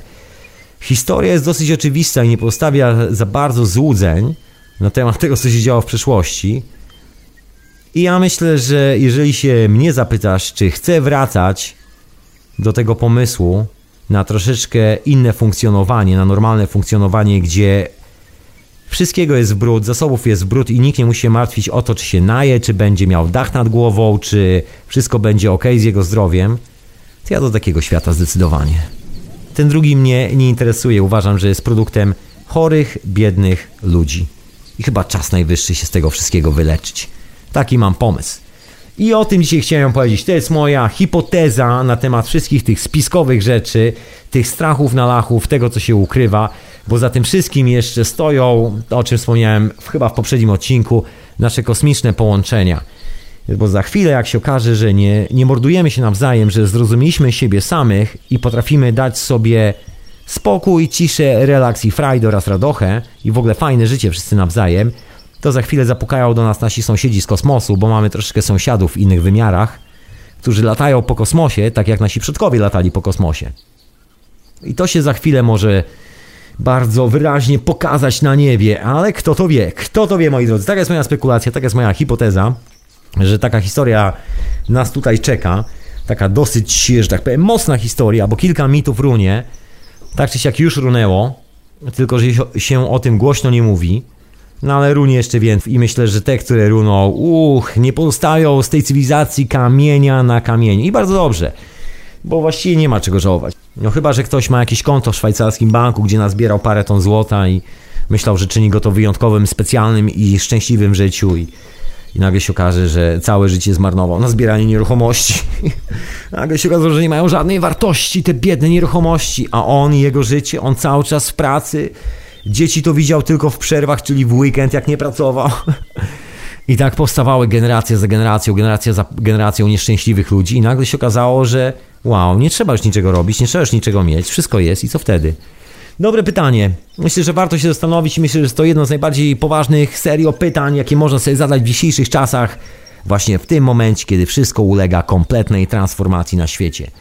Co właściwie będę robił, kiedy wszystkiego będzie w brud? Ja już tu mam odpowiedź, co będę robił. Ale to ja. Na pewno będę robił trochę radia. O. I tyle. Także zapraszam na następny odcinek Hiperprzestrzeni, gdzie jak zwykle o jakichś zabytkowych historiach. Ja tu już kończę ten odcinek, także dzięki za słuchanie. Nie odbieram już telefonów, moi drodzy, bo to koniec tego odcinka, koniec. Zapraszam na wieczorową porę z telefonami i zapraszam Cię, słuchaczko i słuchaczu, żebyś wpadła do radia na fali, tak zwyczajnie, poza radiem paranormalnym, które transmituje hiperprzestrzeń, do archiwum i żebyś wpadła i żebyś ty też wpadł do moich zacnych kolegów, którzy mają też inne audycje. W środę etykieta zastępcza księcia Edwarda, który się ostatnio troszeczkę obijał. Później w czwartek substancja. Później teoria chaosu, a później w sobotę hiperprzestrzeń. Także zapraszam serdecznie sobie odwiedzać i słuchać i usłyszymy się następnym razem. I to było tyle na dzisiaj. Drogi słuchaczu i droga słuchaczko, i jeszcze raz na koniec dziękuję wszystkim mecenasom Radia na Fali i wielkie dzięki z góry wszystkim Wam, którzy wesprą Radio na Fali w tym momencie, bo jest to krytyczny moment finansowy ze sprzętem. Także dzięki z góry, peace and love i do usłyszenia następnym razem. I słuchaliście radianafali.com